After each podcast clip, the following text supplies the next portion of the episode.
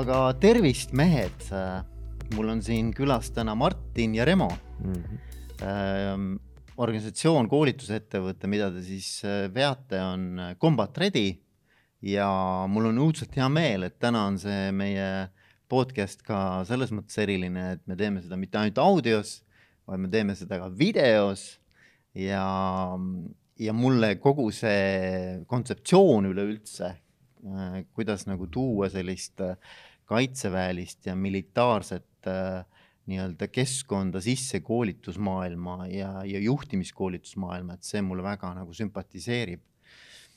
et äh, täna saame siis rääkida, et mis mehed te olete, mis teie taust on, kuidas te üldse olete jõudnud selleni ja, ja mismoodi te siis oma missiooni ellu viite läbi nende äh, praktiliste juhtimiskoolituste maastikul. ma, ma ise käisin ka teie koolitusel eelmine nädal. väga äge oli, pean ütlema, et äh, seda ei oska tegelikult ette kujutada, kui sa lihtsalt teoreetiliselt seda mõtled, et oh, mis seal siis toimub ja mis seal saab. aga et kui sa päriselt paned oma jala sinna mulda ja pead äh, inimestega, kellega sa pole varem kunagi kokku puutunud, on ju, pead hakkama mingisuguseid ülesandeid lahendama, mis on äh, noh, high stakes on ju et kas keegi jääb ellu või ei jää ellu, et, et siis see on väga-väga äh, äge, väga äge kogemus.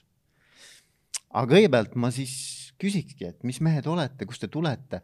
mul on tavaliselt on selline küsimus, et äh, kes sa oled, Martin? aga ma ei tea, kuidas sa, kuidas sa iseennast tegelikult tutvustaksid? ja tere, tere ka minu poolt siis, et ähm, see on tõesti hea küsimus. Äh, mulle meeldib ma olen juhtimiskoolitusi teen ja siis mulle meeldib ise tegelikult sedasama asja küsida, et eh, mis teie roll on, et öelge oma nimi ja roll, eks ju. siis ma ise toon seal näite alati, et näe, mina olen Martin ja mina olen koolitaja. mulle tegelikult seda, see koolitaja roll, roll väga meeldib, sest äh, see jätab nagu lahtiseks, et äh, paljud asjad, ma ei pea liiga täpselt ennast ära ütlema ja ma ütlen ka tihti, et, et see on minu hobi ja mulle meeldib seda teha, mulle meeldib inimesi inspireerida ja kui ma näen, et inimene areneb tänu sellele, et mõni, mõni mõte, mis mina suudan talle anda või mõni arutelu, mis seal koolituse ajal on, siis seda, seda arengut ja seda inspirat-, inspiratsiooni, mis nad näiteks minu käest saavad, see on see, mis paneb mind nagu edasi liikuma. Hmm.. aga noh, samas see on mul ikkagi hobitöö, ta ei ole mu põhitöö, et põhikohaga ma hetkel töötan Riigi Kaitseinvesteeringute Keskuses ja ma tegelikult äh, siis koordineerin Euroopa äh, Euroopa tasemel mehitamata maismaasüsteemide arendamist ja ma esindan seitset riiki ühes, ühes suures projektis. väga äge. et see on mu põhitöö. aga su taust on, eks ole, tegelikult ka ikkagi käit-, kaitseväeline, eks ju? minu taust on väga-väga äh, suuresti jah, kaitseväest, ma olin kuusteist aastat ohvitser Eesti Kaitseväes. Äh, kusjuures see, see, see algab isegi enne seda, et, et ma olen ka mõelnud, et kus minu nagu teekond juhina näiteks on alguse saanud, siis tegelikult ma olin, äh, ma olen pärit Elvast, Elva gümnaasiumist ja ja noh, seal ma, seal ma õppisin, eks ju, aga seal äh, olles ma liitusin äh, Kaitseliiduga ja ma liitusin noorkotkastega umbes kuskil kuueteistaastaselt, äh, tegelikult isegi algkoolis juba käisin, aga noh, see, see oli niisugune lühikest aega. kui, kui õnnestus, kusjuures sellest algkooli ajast on mul meeles, näiteks käisime president Lennart Meri juures külas ja niisugused mm. väga ägedad allveelaev Lembit oli veel vees ja niisugused niisugused hetked on mul sellest noorkotka ajast ka meeles aga jah, gümnaasiumi jõudes äh, ja Kaitseliiduga liitudes mul õnnestus äh, kuidagi olla õigel ajal õiges kohas ja ma näiteks äh, käisin läbi kuueteistaastaselt niisuguse asja nagu Salga pealike kool, mis siis tegi Tartu malev. ma võin Martin Erstut väga, väga kiidan selles mõttes, et kui kui teil on võimalus saata oma lapsed sinna noorkotkastesse, ükskõik kus malevas tegelikult, siis kindlasti saatke. sest mina sain sealt esimese Äh, väljaõppe, kuidas äh, näiteks viia läbi tundi mm., kuidas, äh, kuidas olla juht, kuidas õpetada neid noori, noori seal ja, ja kõike seda. ja siis ma läksin peale seda aja, ajateenistusse, mul oli juba siis lihtsam. ma olin juba teinud ka Kaitseliidus noorkotkastega palju asju ära. ehk siis ma olin kogu aeg nagu teistest väikse sammukese ees tegelikult. et mulle meenutab see natuke seda, seda raamatut Outliers kus ja. nad räägivad sellest kümnest tuhandest tunnist, et sa pead nagu tegema ja tegema ja tegema. ja noh, kui seal, seal raamatus räägitakse sellest äh, Kanada hokimeeskonnast, kes siis mingil ajal oli niimoodi, et kõik, kes olid jaanuaris-veebruaris sündinud, nad olid alati kõige paremate treenerite juures, kõige paremate noh, alati oli nagu sammuks ees teistest. ja, ja ma olen mõelnud, et võib-olla kusjuures minu nagu see teekond juhina saigi sealt täpselt samamoodi alguse, et ma olin ajateenistuses teistest sammuks ees juba, siis ma sain seal seersentiks, sain aspirandiks, eks ju, et seal oli niisugune suhteliselt väike protsent ikkagi nendest, kes, kes lähevad, jõuavad aspirandiks, aga tänu sellele, et ma olin aspirant ajateenistuses, siis ma läksin peale seda sõjakooli, ma olin ka seal juba teistest sammuks sees, mitte küll kõigis, seal oli ka sama, sama taseme inimesi, aga ikkagi meid oli nagu tunduvalt vähem kui kogu see, kogu see kursus kokku. ja tänu sellele ma harjusin ka ära sellega, et ma olin kogu aeg niisuguses natuke rohkem juhi rollis, natuke rohkem tähelepanu rollis ja ka ülejäänud karjääris mulle tegelikult pidevalt, äh, mul õnnestus olla niisugusel nagu edukas juhtimises. ja, ja saada niisugust heast kogemust ja saada niisuguseid huvitavamaid töid näiteks ja ja noh, ma olin õhutõrje erialal alguses, kui ma sõjakooli lõpetasin, ja ma, ma jällegi sain, äh, sain nendest sama, oma kursusekaaslastest kohe niisuguse kohe kõige tähtsama ametikoha, et ma olin seal patarei ülem abi näiteks, kui ma kui ma läksin ajateenijatega tegelema ja niisuguseid huvitavaid asju olen kogu aeg saanud teha aga noh, muidugi väga oluline roll või oluline samm ka seal äh, kaitseväes teenides oli see, et kaks tuhat üheksa aastal hakati tegema erioperatsioonide väejuhatuse katseid, ehk siis äh, neid valik, valikkatseid. ja ega me sellest äh, tollel ajal väga midagi ei teadnud. tuli, tuli praegune kolonel Kuul tuli, tuli meile väeossa, tegi tutvustuse, ütles, et seal peab palke tassima ja kummipaate vedama ja meile nagu, et mis seal ikka, lähme proovime ja, ja õnnestus see, see läbi teha ja edukalt ja õnnestus sinna tööle saada, kokku siis seitse aastat eh, ma töötasin erioperatsioonide väejuhatuses. väga huvitavad aastad, väga tõesti ägedad ja me noh, me ise oleme mõelnud, eh, ikka tagantjärgi, et see oli nagu startup, et see oli, kõik asi oli vaja üles ehitada pidevalt, eh, pidevalt asjad muutusid, olukorrad muutusid, eesmärgid muutusid, see, see üksus nagu kohanes hästi palju täpselt läbi aja nii-öelda, nagu me ise suutsime seda arendada ja, ja olla osa sellest oli, oli mulle väga äge väljakutse ja, ja just seal ma nägin ka seda, et kuidas siis äh, kaitseväes väga keerulistesse, keeruliste ülesannete jaoks äh, arendatakse juhte tegelikult. Hmm.. ehk siis sealt ma sain niisuguse suure, suure motivatsiooni ja suure niisuguse arusaama, et kuidas see juhtide arendamine käib. Äh, ja, ja kui ma jõudsin jah, kui ma jõudsin äh, tsiviilellu tegelikult, sest äh, kaks tuhat üheksateist ma lõpuks otsustasin, et ma kaitseväest ikkagi tulen ära. ja mul avanes võimalus saada tööle kaitsetööstusesse. Äh, see, selline ettevõte nagu Triot Systems, siis ma avastasin ennast väga sarnasest kohast tegelikult, et mul olid erialaeksperdid, osakonna juhid, nad olid äärmiselt niisugused äärmiselt võimekad, äärmiselt teadlikud oma asjast sest noh, see droonimaailm või mehitamata lennuvahendite maailm, see on väga keeruline. seal on väga palju regulatsioone, väga palju sertifikaate, igast kõike, millega peab arvestama, tarkvara, mehhatroonika, optroonika, kõik asjad, mis peavad koos töötama, eks ju. ja noh, nad olid ülihead eksperdid, aga ega nad ei olnud sellepärast kohe ka automaatselt head juhid yeah. ja nad ei suutnud automaatselt koos, koos töötada üksteisega ja noh, täpselt sama olukord, mis kaitseväes, et need kõik need kaitseväelased, kõik need erioperaatorid, nad on ülihead eksperdid, see talenditihedus on seal äärmiselt suur. aga kuidas nad päriselt koos tööle panna ja, ja see noh, see on sama nagu jalgpallimeeskond, et kui ma tahan teha kõige paremat jalgpallimeeskonda, ma ostan endale, eks ju, staarid kokku, aga nad ei, see võit ei ole garanteeritud. Neid ja. on ikkagi, seal on vaja seda, kes seda, nad tööle paneks. ja mulle see roll tegelikult väga meeldis hmm.. et täpselt olla see vahendaja vahel näiteks äh, otsused või info, mis tuleb kõrgemalt, mis tuleb altpoolt, et äh, kuidas tõlkida see kõigile arusaadavaks ja niisugune koordineerimine ja see, see mulle väga meeldis ja seda ma olen nüüd siin läbi koolitusettevõttega üritanud siis äh, edasi anda, et kuidas seda teha ja ja niisugust asja ma väga hea meelega teen. väga äge, me saame kindlasti rääkida veel äh, teie mõlemi taustast ja, ja kuulamisloost veel täpsemalt, aga, aga Remo, kes, kes sina oled? No ma olen niisugune, ma ütleks, et ma arenen kogu aeg hästi palju igast suunas ja olen niisugune, võtan igasugu asju ette, mida võib-olla keskmised inimesed ei võta ja ma lähen hulljulgelt peale ka, et äh, juba suht väiksena äh, mind huvitas muidu see sõjaväevärk täiega ja käisin metsas, metsas mängimas äh, püssidega, jooksin ringi ja leidsin ka mingisugused kaaslased kusjuures ma mängisin ühte lihtsalt ühte mängu nimega Ameerikas Army. ja, ja siis sealt äh, sain mingeid tuttavaid, kes kutsusid mind Airsofti mängima metsa ja siis ma vaatasin, et vot see on äge värk.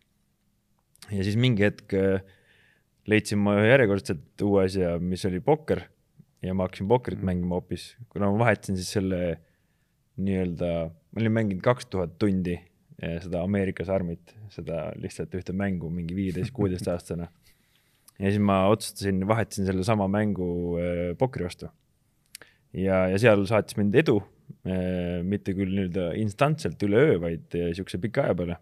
ja üleüldse käisin eri, erinevates kohtades, rääkisin oma vanematele, et ma käin pildarit mängimas tegelikult käisin kuskil äh, tagatubades äh, kaarte mängimas, olla siis alaealine ja siis sealt ma sain tuttavaks erinevate inimestega, kes kõik olid juba kakskümmend üks pluss, nii et mul alati võimalus nagu vanemate inimestega õppida, mismoodi nemad äh, elu elavad. Ja, ja, ja läbi siis selle ma mingi hetk vaatasin, et tegelikult mulle see sõjaväevärk enam ei meeldigi et ma olin ära unustanud selle metsas olemise nagu, eks ma olin nii kaugele tõmmanud ennast sellest maailmast, et ma nende sõpradega enam nii palju suhtlenud ja siis ma mängisin kaarte ja kõik elu oli ilus ja siis äh, vanemad sundisid mind ülikooli minema ja no ja siis ma lõpuks ikka läksin, sest neile vastu tulla ja siis, äh, mis juhtus, oli see, et äh, oli vaja seda pikendust taotleda. Et noh, et saaks õppida, õpingud ära lõpetada ja alles siis lähed ajateenistusse. no ma unustasin selle ära ilmselgelt, selle allkirja panna sinna ja siis, kuna ma selle ära unustasin, siis ma noh, ei olnud palju valikuid, kutse tuli. ja siis mõtlesin, okei okay,, ma käin peale esimest aastat seal ära et vahet ei ole, et äh, lihtsam ikka, kui veel teist aastat minna ja siis nagu ülikooli lõpetama hakata. ja, ja siis, kui ma läksin sinna äh, Tapale ehk siis pioneeripati, siis, siis oli selge, et äh, et vot see on hoopis palju ägedam, kui siin seda pinki nühkida. ja, ja siis ma kohtasingi seda meest kusjuures.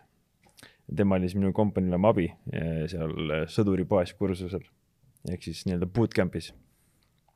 ja ja siis ta tutvustaski sihukest asja ka veel lisaks sellele kõigele, et on olemas sihuke asi nagu eriüksus ja mingid muud asjad, mis tunduski sihukene, noh, see oli aasta peale seda, siis see oli kaks tuhat kümme. ma olin ise vist valiku just läbinud, aga said just valiku läbinud jah, ja siis äh, tutvustasidki seda, et mm. kuule, sihuke asi on, noh, lubasid, et on ülihead suured palgad ja igast, igasugu jüra eest. ja siis me vaatasime, et no selge, et see, et just selle nagu see pokri ajas mul läks see isu ära ja nii kui ma, nii kui ma sinna keskkonda uuesti sattusin nende samade inimestega kokku nii-öelda, kes mõtlesid selles suunas, siis ma sain kohe aru, et okei okay,, et see on asi, et ma võin seda pokkerit kunagi hiljem mängida, aga seda nii-öelda seda eriüksuse asja ma ei saa teha mitte kunagi hiljem nagu. ja et see on ainuke võimalus ja tegelikult ega mul muud plaani polnudki kaitseväega, selles mõttes, et mul oli kohe algselt, et ma ainult lähen sellepärast sinna. kui ma sinna sisse saan, siis ma jätkan, aga kui ma, ma pean mingit äh, tavalises üksuses olema, siis ma ei viitsi seda isegi teha mm. -hmm ehk siis niisugune ja huvitav äh, nagu käik on olnud ja siis lõpuks loomulikult äh, ma hullult valmistusin terve suve peale ajateenistust selle jaoks ja läksin sinna valikule ja, ja mingit moodi läbi suure õnne me sealt läbi tulime. et äh, oleks saanud kõvasti paremini valmistuda selle jaoks, aga noh, mul vaim on alati tugev olnud, et äh, alla ma ei kavatse anda kunagi, isegi kui keha on alla, ammu alla andnud. et äh, ja sealt siis edasi saigi see teenistus alguse, et see oli niisugune üliäge lihtsalt oli kõik seal.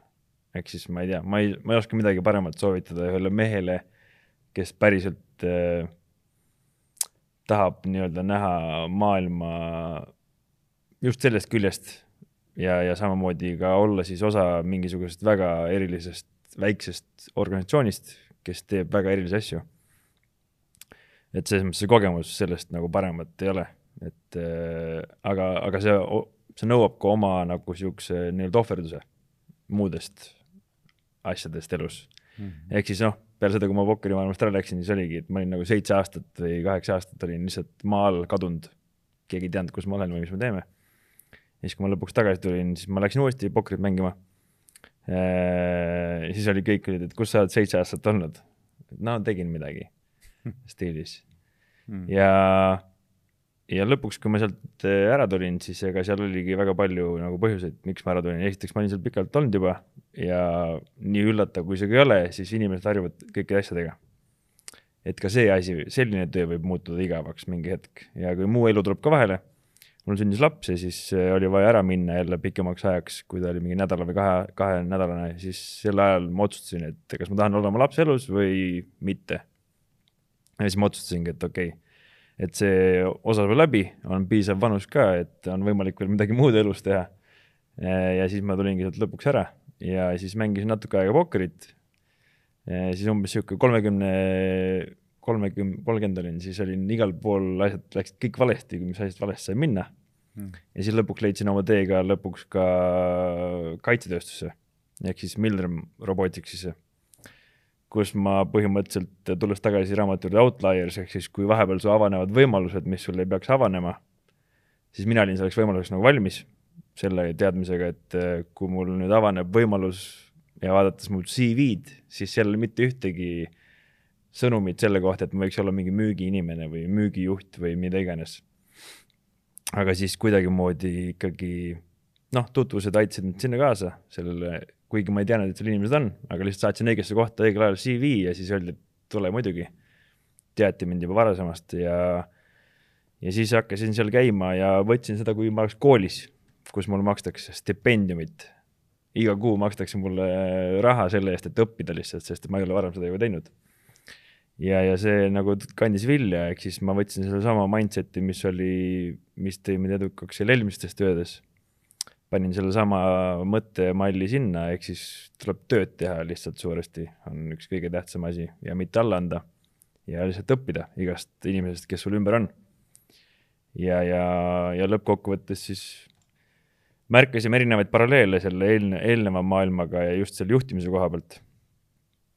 ja et kui palju seda saaks aidata kaasa või siis kuidas seda võiks, kuidas seda saaks äh, teha võib-olla teistmoodi kuidas seda tehakse mujal teistmoodi ja siis eh, sealt tuligi meil see ühine mõte ka, et äh, tuleks panna labidas maasse lüüa ja, ja siis meil tekkis võimalus järjekordselt. ja siis sealt algaski meie see ühine nii-öelda ettevõtjate tee, ma arvan, koos. aga ma iseenesest nii väga ettevõtjaks ei pea, et pigem äh, ma lihtsalt tahan õppida ja ettevõtlus on olnud minu jaoks üks, alati üks viis, kuidas panna ennast kõige raskemasse olukorda, kus sa saad olla. Kus sul on kõige suurem vastutus. ehk siis sa teed midagi, mis äh, no millest nagu raskemat levelit enam ei ole, enam kõrgemal ei saa olla, et sa pead, oled ettevõtte juht või seal juhtkonnas, siis see ongi kõige kõrgem koht, kus sa saad olla. nii-öelda selle ühe projekti või ülesande raames.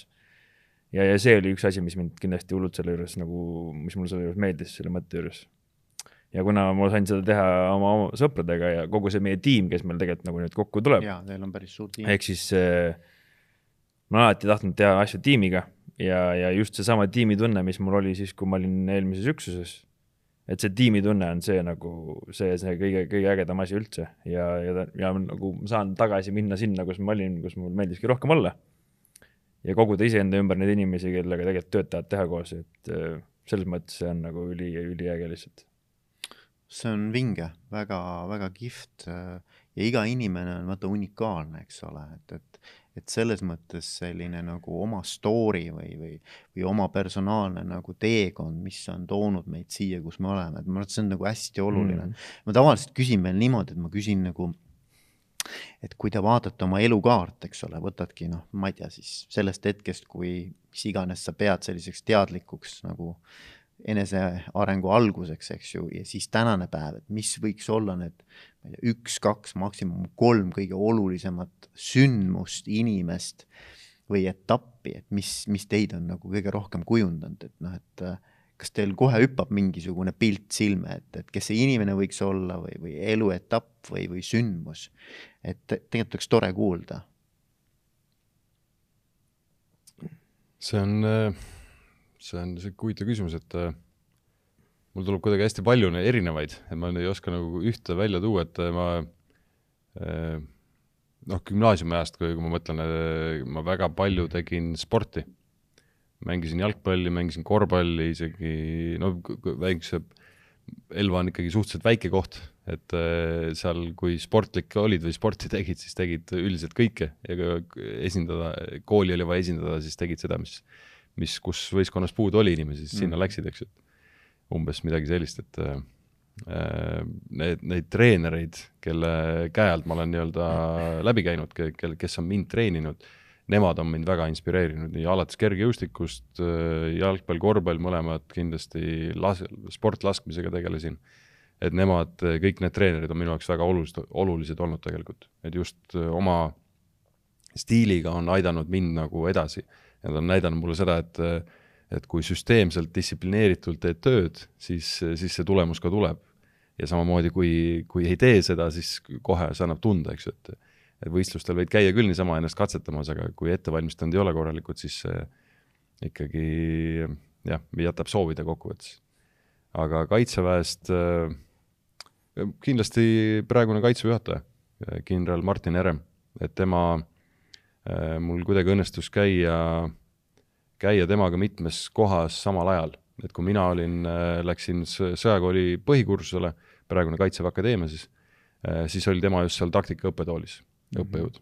Äh, siis, kui ma läksin Tapale väljaõppekeskusesse tööle, siis oli tema selle Kirde kaitseringkonna ülem.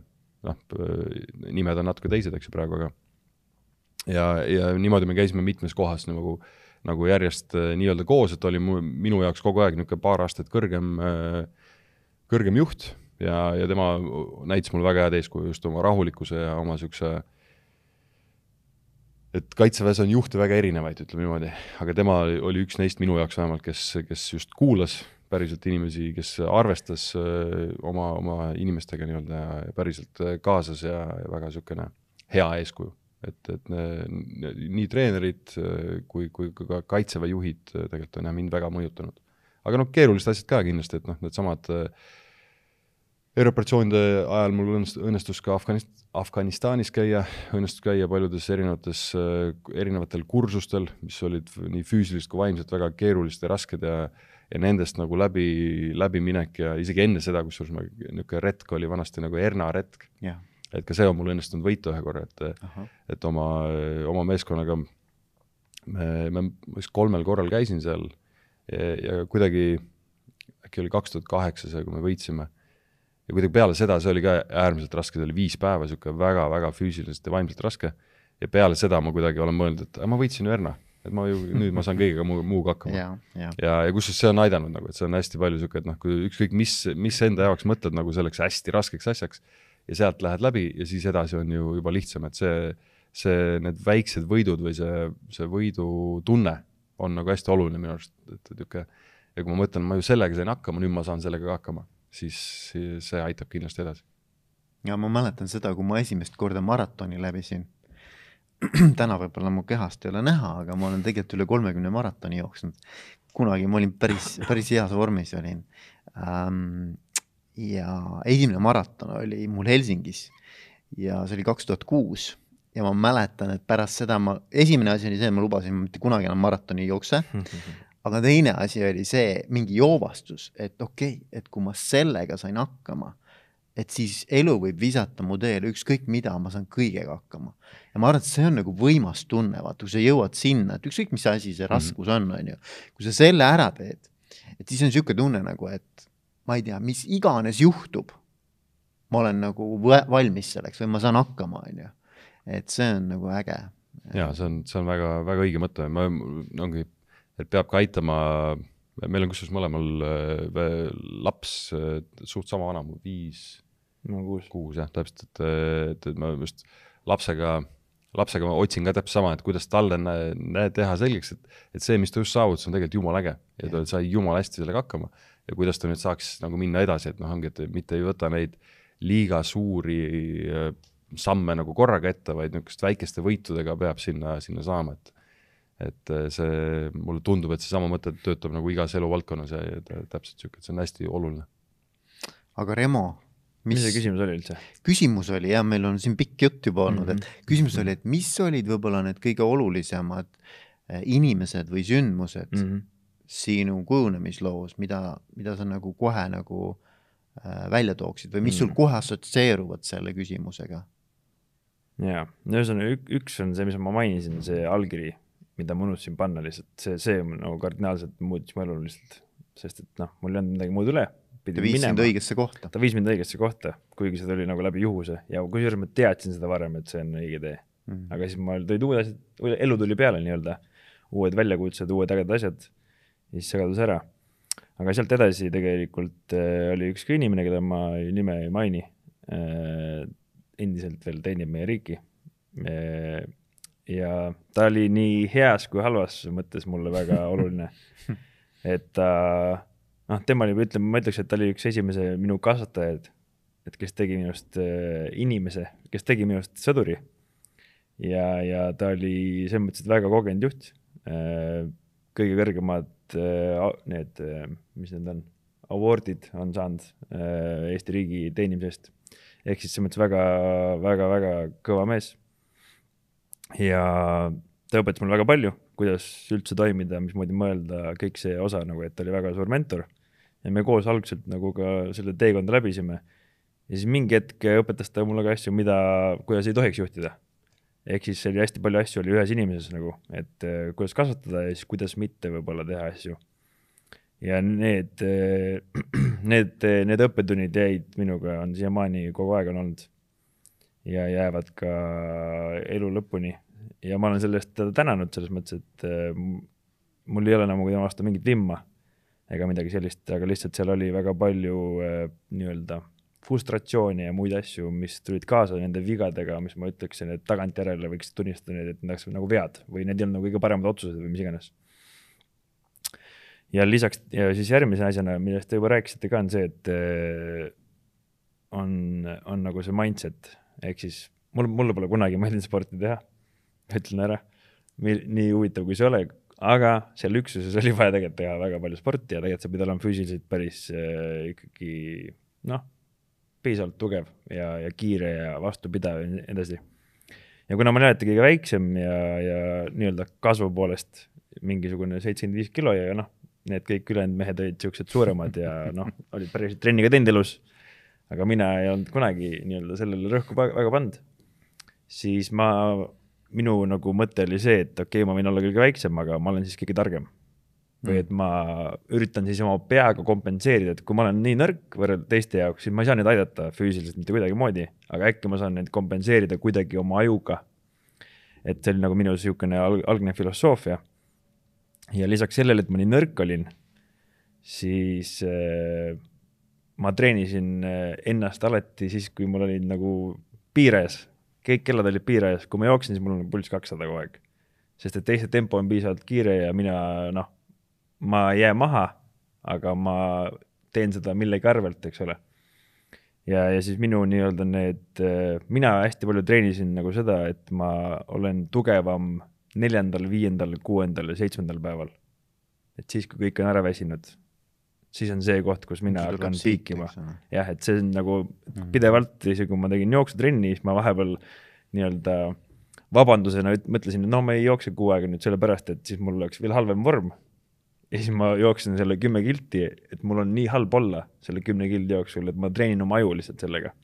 noh, niisugune mõte, mulle meeldib hullult oma aju kuidagi panna proovile ja läbi nende kõikide katsumuste, läbi valikute, üleelamiskoolide ja kõikide nende erinevate asjade, mis me seal tegime, siis ma olen täiesti kindel selles, et lihtsalt inimese aju on võimeline nii hulluks, nii, nii paljuks, et, et see, mida ma isegi arvan, et ma ei ole suuteline, tegelikult me oleme suutelised palju rohkemaks.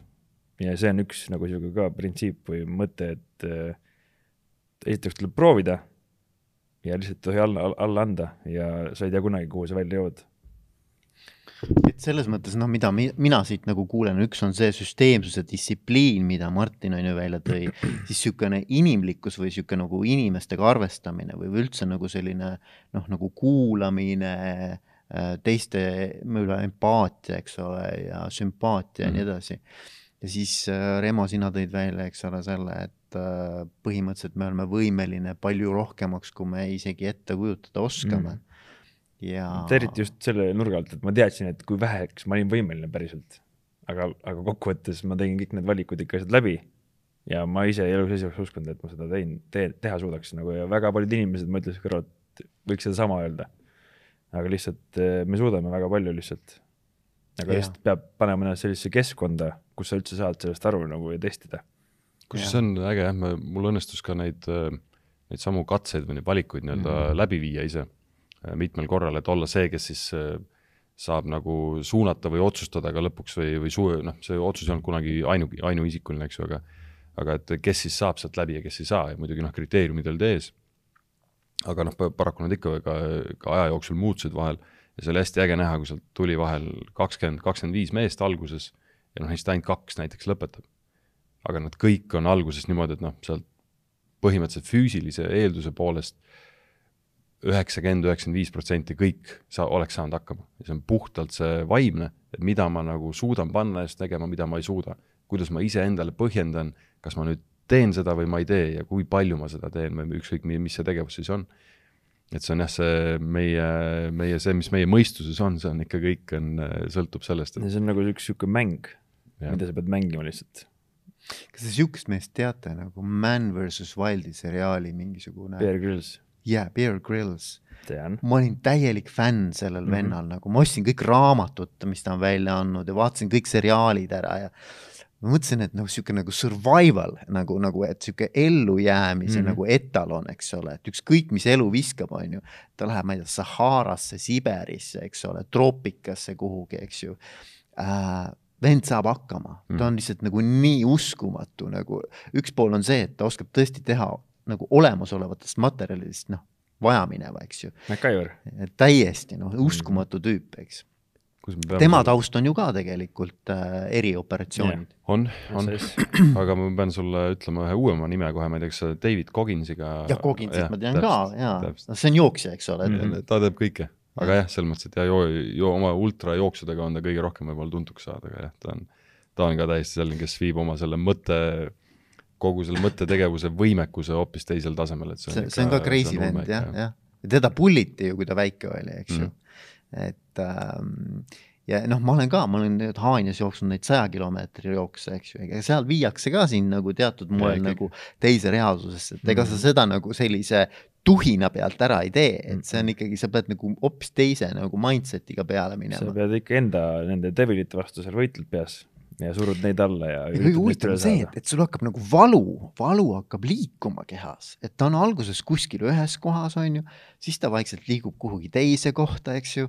ja mingil, mingil moel sa pead nagu sõbraks saama sellega. see peab, see peab jah et see peab olema nagu, see peab olema kuidagimoodi nagu siukene, et sa ei tohi temaga nagu võidelda vaid sa pead temaga kuidagi nagu rääkima ja aru saama, et mida ta sulle öelda tahab, on ju et äh, see on täitsa, see on muidugi eraldi maailm. meil aga... see, minul on olnud lihtsalt see, et äh, nagu selles mõttes, et terve selle teenistuse jooksul seal on neid olukordi, kus absoluutselt kõik kohad valutavad, maganud ei ole üldse, siis seal on nagu see second nature on see sellepärast minu arvates, et äh, eriti kui sa oled juhi positsioonil, sul pole aega mõelda enda peale, et mul valutab kuskilt või mis iganes, sul on alati palju tähtsamaid asju, mida teha kui mõelda selle peale, et mul midagi valutab kuskil. nii kui sa oled üksinda oma mõtetega ja sa pead üksinda tegema, vot siis on see aeg, kui sul hakkad oma mõtteid mõtlema, eks sellepärast see enda arendamine läbi seal jooksu ja nende pikkade asjade on väga oluline. et siis sa saad tegelikult vaadata enda sisse, aga nii kui sa oled kuskil tiimis, siis noh, minul on alati olnud niimoodi, et eh, mul on siis palju lihtsam olla. sest et ma ei pea enam enda peale mõtlema, vaid ma pean kohe mõtlema automaatselt teiste inimeste peale ja sest, et nemad on palju tähtsamad äh, minu seisukohast kui mina ise nagu. aga siis, kui sa oled üksinda, siis sul seda tiimi pole, su tiim on kuskil sinu sees. ja vot see on see kõige raskem äh, osa, ma arvan. ja, ja. kuulge, aga liigume Combat Red, Combat Redi peale. Combat Redi, eks ole mõtlesin, kust see nimi üldse tuleb, eks ole, et kuidas te selle nime peale tulite, et äh, mis see taust on? See on, äh, no kuidas see üldse ettevõte nagu, nagu alguse sai või et äh, ma olen, äh, ma olen teinud tsiviilettevõtetele, organis-, organisatsioonidele koolitusi, ütleme neli-viis aastat. nii kaitseväe teemadel kui üldse jah, planeerimise, juhtimise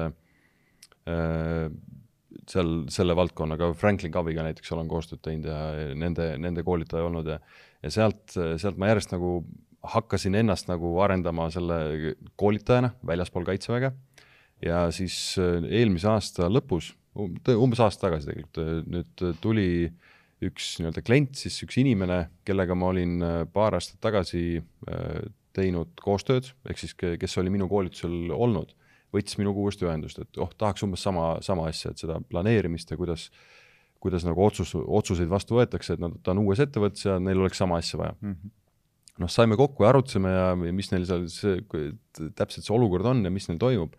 ja siis mulle tundus järjest rohkem, et noh, tegelikult tal ei ole vaja sama asja, tal on vaja nagu natuke teist, tal on nagu inimesed ei, ei võta päriselt vastutust ja ei, ei tee nagu seda, mis, mis nad nagu, mis nad võiks teha nagu lõpuni. ja siis me kuidagi arutasime seda ja, ja me olime mitu korda rääkinud, oh, et näed, see, see Choco teema ja kõik see on nagu nii äge, et noh, seda võiks kuidagi hakata siin, siin piirkonnas ka pakkuma.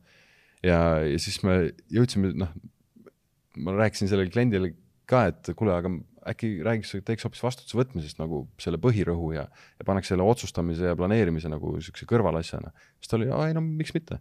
siis meil oli okei okay,, aga noh, siis on vaja uut ettevõtet, et me peame tegema, me ei saa teha nagu mingi muu tee teise nende vanade alt, et ja, ja siis kuidagi, kuna see nii-öelda esimene klient oli olemas, esimene koolitus oli vaja ära teha ja siis kiirelt hakkasime mõtlema, et okei okay,, aga siis teeme siis ettevõtte, mõtleme mingi nime, kuidas, kuidas saame, eks ju, et see eesmärk oli, et kaitseväe natuke tausta oleks, eesmärk oleks, et seda noh, oleks ka arusaadav, et ta on ikkagi tsiviilettevõtetele. noh, ma ei tea, kui, kui palju praegu on, et see, see võib-olla meil niisuguse äh, kuvandi poolest ideaalne veel ei ole, aga selle nimel me töötame.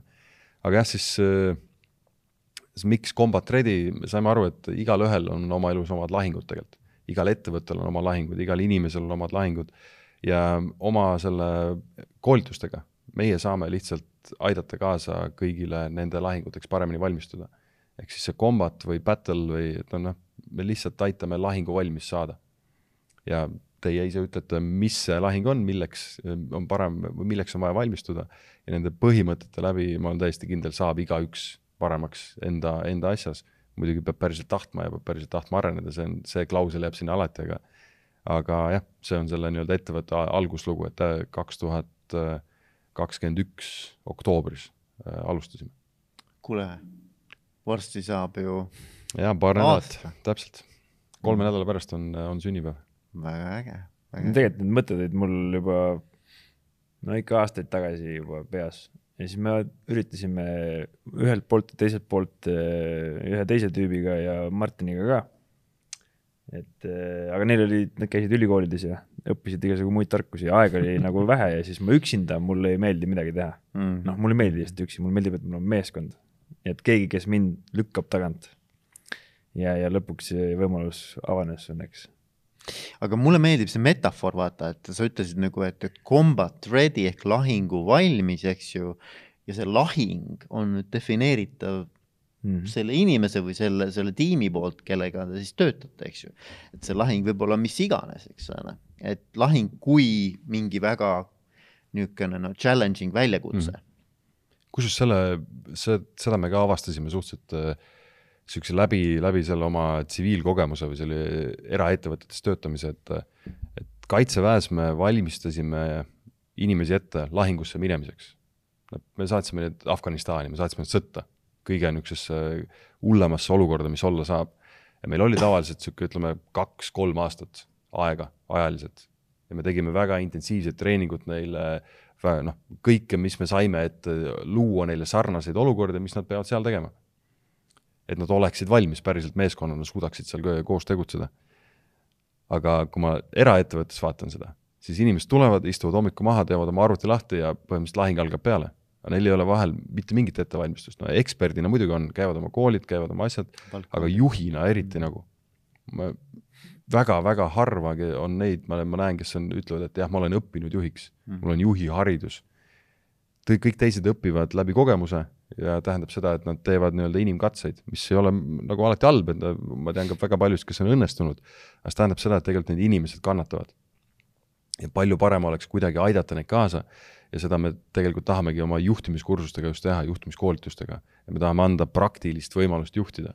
sest isegi need ülikoolid, kes teevad juhtimisõpet, jällegi nii palju, kui me ise oleme rääkinud inimestega ja ka nende ülikoolidega, et mida, kuidas te täpselt teete, noh, seal see praktika osa, seda on väga raske teha sinna, ajaliselt on seda raske teha, seda on raske teha niisugune noh, et mis, mis keskkonda neile luua, noh, tehakse igast äh, neid rollimänge või kaasuste arutelusid ja need on väga vajalikud kõik, sealt saab, saab häid mõtteid aga lõpuks ma lähen sinna oma inimeste ette, ma olen ikkagi üksi seal, ma ise kirjutan seda emaili, ma ise kirjutan seda või teen, viin seda koosolekut läbi, teen neid juhtimisotsuseid ja ma ei saa sealt kuskilt tagasisidet. ja me saime aru, et see on selgelt puudu, eriti siin meie keskkonnas ja, ja kuna me leidsime selle äh, Choco ja Leafi raamatu Extreme Ownership, nende põhimõtted me olime juba ise järginud äh, mitmeid aastaid ja, ja neid, neid elanud nii-öelda. Ja nende ettevõtete Echelon Front ka jär, järginud, siis me saimegi aru, et noh, tegelikult täpselt seda asja võib hakata siin rahulikult tegema. Ja no loomulikult me teeme nendega ka koostööd, et me liigume praegu partnerlepingu suunas. hetkel veel täna allkirja ei ole, aga, aga ma arvan, et see on niisugune lähi, lähikuude küsimus, et seal nagu ühtegi suurt probleemi tegelikult ei ole, et lihtsalt detailide arutelu on. ja noh, see on see, mis on nagu puudu, et praktilist juhtimiskoolitust väga vähe pakutakse ikkagi mm. -hmm jah, noh, see, see on huvitav tegelikult, et ega siis ülikool mingis mõttes ei anna sulle juhtimise kutset, eks ju. ta ei ole nagu kutsekool selles mõttes, eks ju, et ta on ikkagi akadeemiline ja sa saad sealt mingisuguse teoreetilise baasi, noh, heal juhul sa saad ka natukene nagu maitsta seda mingit projektipõhist tööd või mingisugust nagu noh, ma ei tea, kaastudengitega teete seal midagi koos, eks ju. aga noh, päris elu on ikkagi see, kui sa siis nagu lähedki sinna organisatsiooni, hakkad nagu seda asja ajama nagu noh, nii-öelda koha peal nende inimestega, kes seal on. et äh, kõik juhid tegelikult mingil tasandil on ikkagi nagu ise õppinud katse-eksituse mm -hmm. meetodil. No, siis kui sa lähedki noh, mõnes suuremas organisatsioonis juba pannakse rõhku ja onboarding'u osa ongi juba mingisugune õpe, mis iganes, üldiselt on see nagu noh, juhtimise spetsiifilist äh, ei tea, et oleks, on ju kindlasti kusagil on. no tehakse ikka, tehakse see spetsialistiks juhiks ja neid, neid programme neid koolitusi on, on jah. jah, täpselt, aga noh. kuidas sa sinna nagu teed, eks Slacki, kui sa tihtipeale juhtub see, et kui sul seda nii baasi ei ole ja sa ei tea, millest lähtuda, mis ei ole piisavalt lihtne, siis äh, sa näed näiteks halba juhti ja sa arvad, et selline see juhtimine ongi. noh, nii see juhtimine käibki. ja, ja siis sa võidki arvata, et okei okay,, see on mingisugune äh, kaasasündinud asi ja mina ei saa kuidagi heaks juhiks, sest et no ma ka ei oska mm. -hmm. ah, tegelikult see on oskus ja seda on võimalik arendada. ja seal lihtsalt tulebki aru saada sellest, et see õppimine ei lõpe mitte kunagi. ja sa peadki lihtsalt äh,, kahjuks sa pead seda tegema teiste arvelt ja vigade arvelt, sest ega sa muidu ei õpi. ja, ja oluline ongi see keskkond luua, et kus seda võimalik teha oleks. ja täpselt, keskkond just, et see ka need äh, spetsialistist juhiks ja kõik need koolitused ja asjad, need on ikkagi suurte ettevõtete teema üldiselt. ma pean, mul peab olema ikkagi piisav eelarve, et ma saan kellegi inimese saata paariks nädalaks ära või kuuks ajaks ära, eks ju, või, või mingid, mingid päev, mingid koolitused talle võtta, eks ju, aga, aga kui ma olen eraettevõtja, eks ju, ma olen ise alustanud, ise teinud, noh, väga raske on neil just, et kui, kuidas nemad saavad oma kümne inimesega, siis kahekümne inimesega, siis viiekümne inimesega, järsku mul on ma ei tea, sada töötajat, eks ju. Mm., aga, aga noh, kas ma võtan aega, mul ei ole aega, mul ei ole sekunditki võtta sealt, me, me üritame inimestega neid kohtumisi kokku leppida, neil ei ole aega ühte tundi võtta, eks ju, kuidas ta nüüd läheb päriselt koolitusele, et kuidas seda aidata ja seda raamistikku luua. ja väga suur vahe on palju, kuidas on juhtida viite inimest, kümmet inimest, kolmkümmend inimest, sada inimest, need on ikka täiesti erinevad, erinevad levelid, erinevad äh, juhtimismeetodid isegi võiks öelda, noh, baaspõhimõtted jäävad samaks aga lihtsalt, eh, kui sa seda alguses teed valesti, alguses sa saad väga lihtsalt teha ka asju valesti. ma võin ju kõigile öelda ette, mida nad teevad ja nad teevad ära ja kogu lugu, me oleme kõik ühes ruumis. me ainult kommunikeerime omavahel. me ei tee seda võib-olla efektiivselt, aga me oleme kõik ühes ruumis ja me oleme kõik ühes inforuumis ja meil on väga lihtne teha. aga kui sul on neid samu valesid meetodeid, mis teki jäävad sulle harjumuseks, viid edasi sinna, kus on sada inimest, no vot siis, siis hakkavad tulema välja need vead ja, ja need vead on väga halvad, sest et see informatsioon enam ei liigu, eesliini töötajad eh, enam ei mõista, mis suured eesmärgid on, kuigi eesliini töötajad samas on kõige tähtsam väärtus üldse. ehk siis kui, kui ikkagi kuulid endad üle pea, siis sellest suuremaks pilt ei saa enam mitte kuidagi minna nagu mm. -hmm. ja, aga kui selle ära unustad ja sa juhidki ainult mikromanageerid üleval, siis lõpuks keegi midagi enam ei tee sul.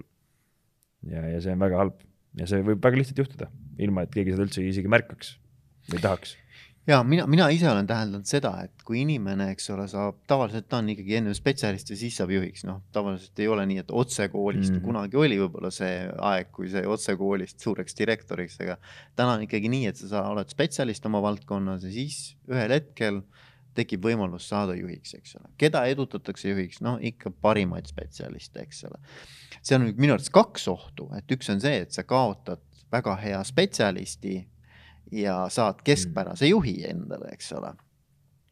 aga teine oht on see, et kuna seesama spetsialist on mingil moel oma eelnevate kogemustega tekitanud endale mingisuguse kuvandi, et mida tähendab siis olla juht. Ja nagu sa ütlesid, et noh, see kuvand võib olla kas noh mm., adekvaatne või vähem adekvaatne, eks ju, et noh, et äh, olenevalt, milliste juhtide all sa siis nüüd olnud oled, eks ju, või millised su suhted on üleüldse olnud nagu ka õpetajatega näiteks või treeneritega mm., eks ju. et siis sul tekib nagu tunnetus, et okei okay,, nüüd ma olen juht, nüüd ma pean kuidagi olema. ma pean nüüd võtma sellesama rolli, eks ole, mis see mu ideaaljuhi roll on ja kuidagi väänama ennast sinna sisse. ja noh, nüüd ma olen siis juht, eks ju, aga tavaliselt on see ikkagi väga kallutatud ja, ja see ei ole ehe sina, see ei ole siiras sina, autentne sina mm. -hmm. ja seda tunnevad kõik ümberringi. ja see on väga awkward yeah.. et, äh, et tegelikult noh, üks asi minu arvates on ka, et, et kuidas sa juhina ikkagi tegelikult saad olla sina ise. ja teiselt poolt, et sul oleksid needsamad põhimõtted, mis on ka selles ülimas vastutuses välja toodud, eks ju. Et minu arvates see on kõige ideaalsem nagu kombo, et autentsus pluss need printsiibid, eks ju mm muidugi, sest see, ega sa ei, noh, sa ei saa olla keegi teine. saad olla ainult sina ise, saad rääkida oma loost, oma sellest, see on, see on see, mis on usutav ja kui ma tahan äh, nii-öelda see niisugune ütlus on ka Jackolt endalt tulnud, et äh, et sinu kavatsus haiseb niikuinii mm. -hmm.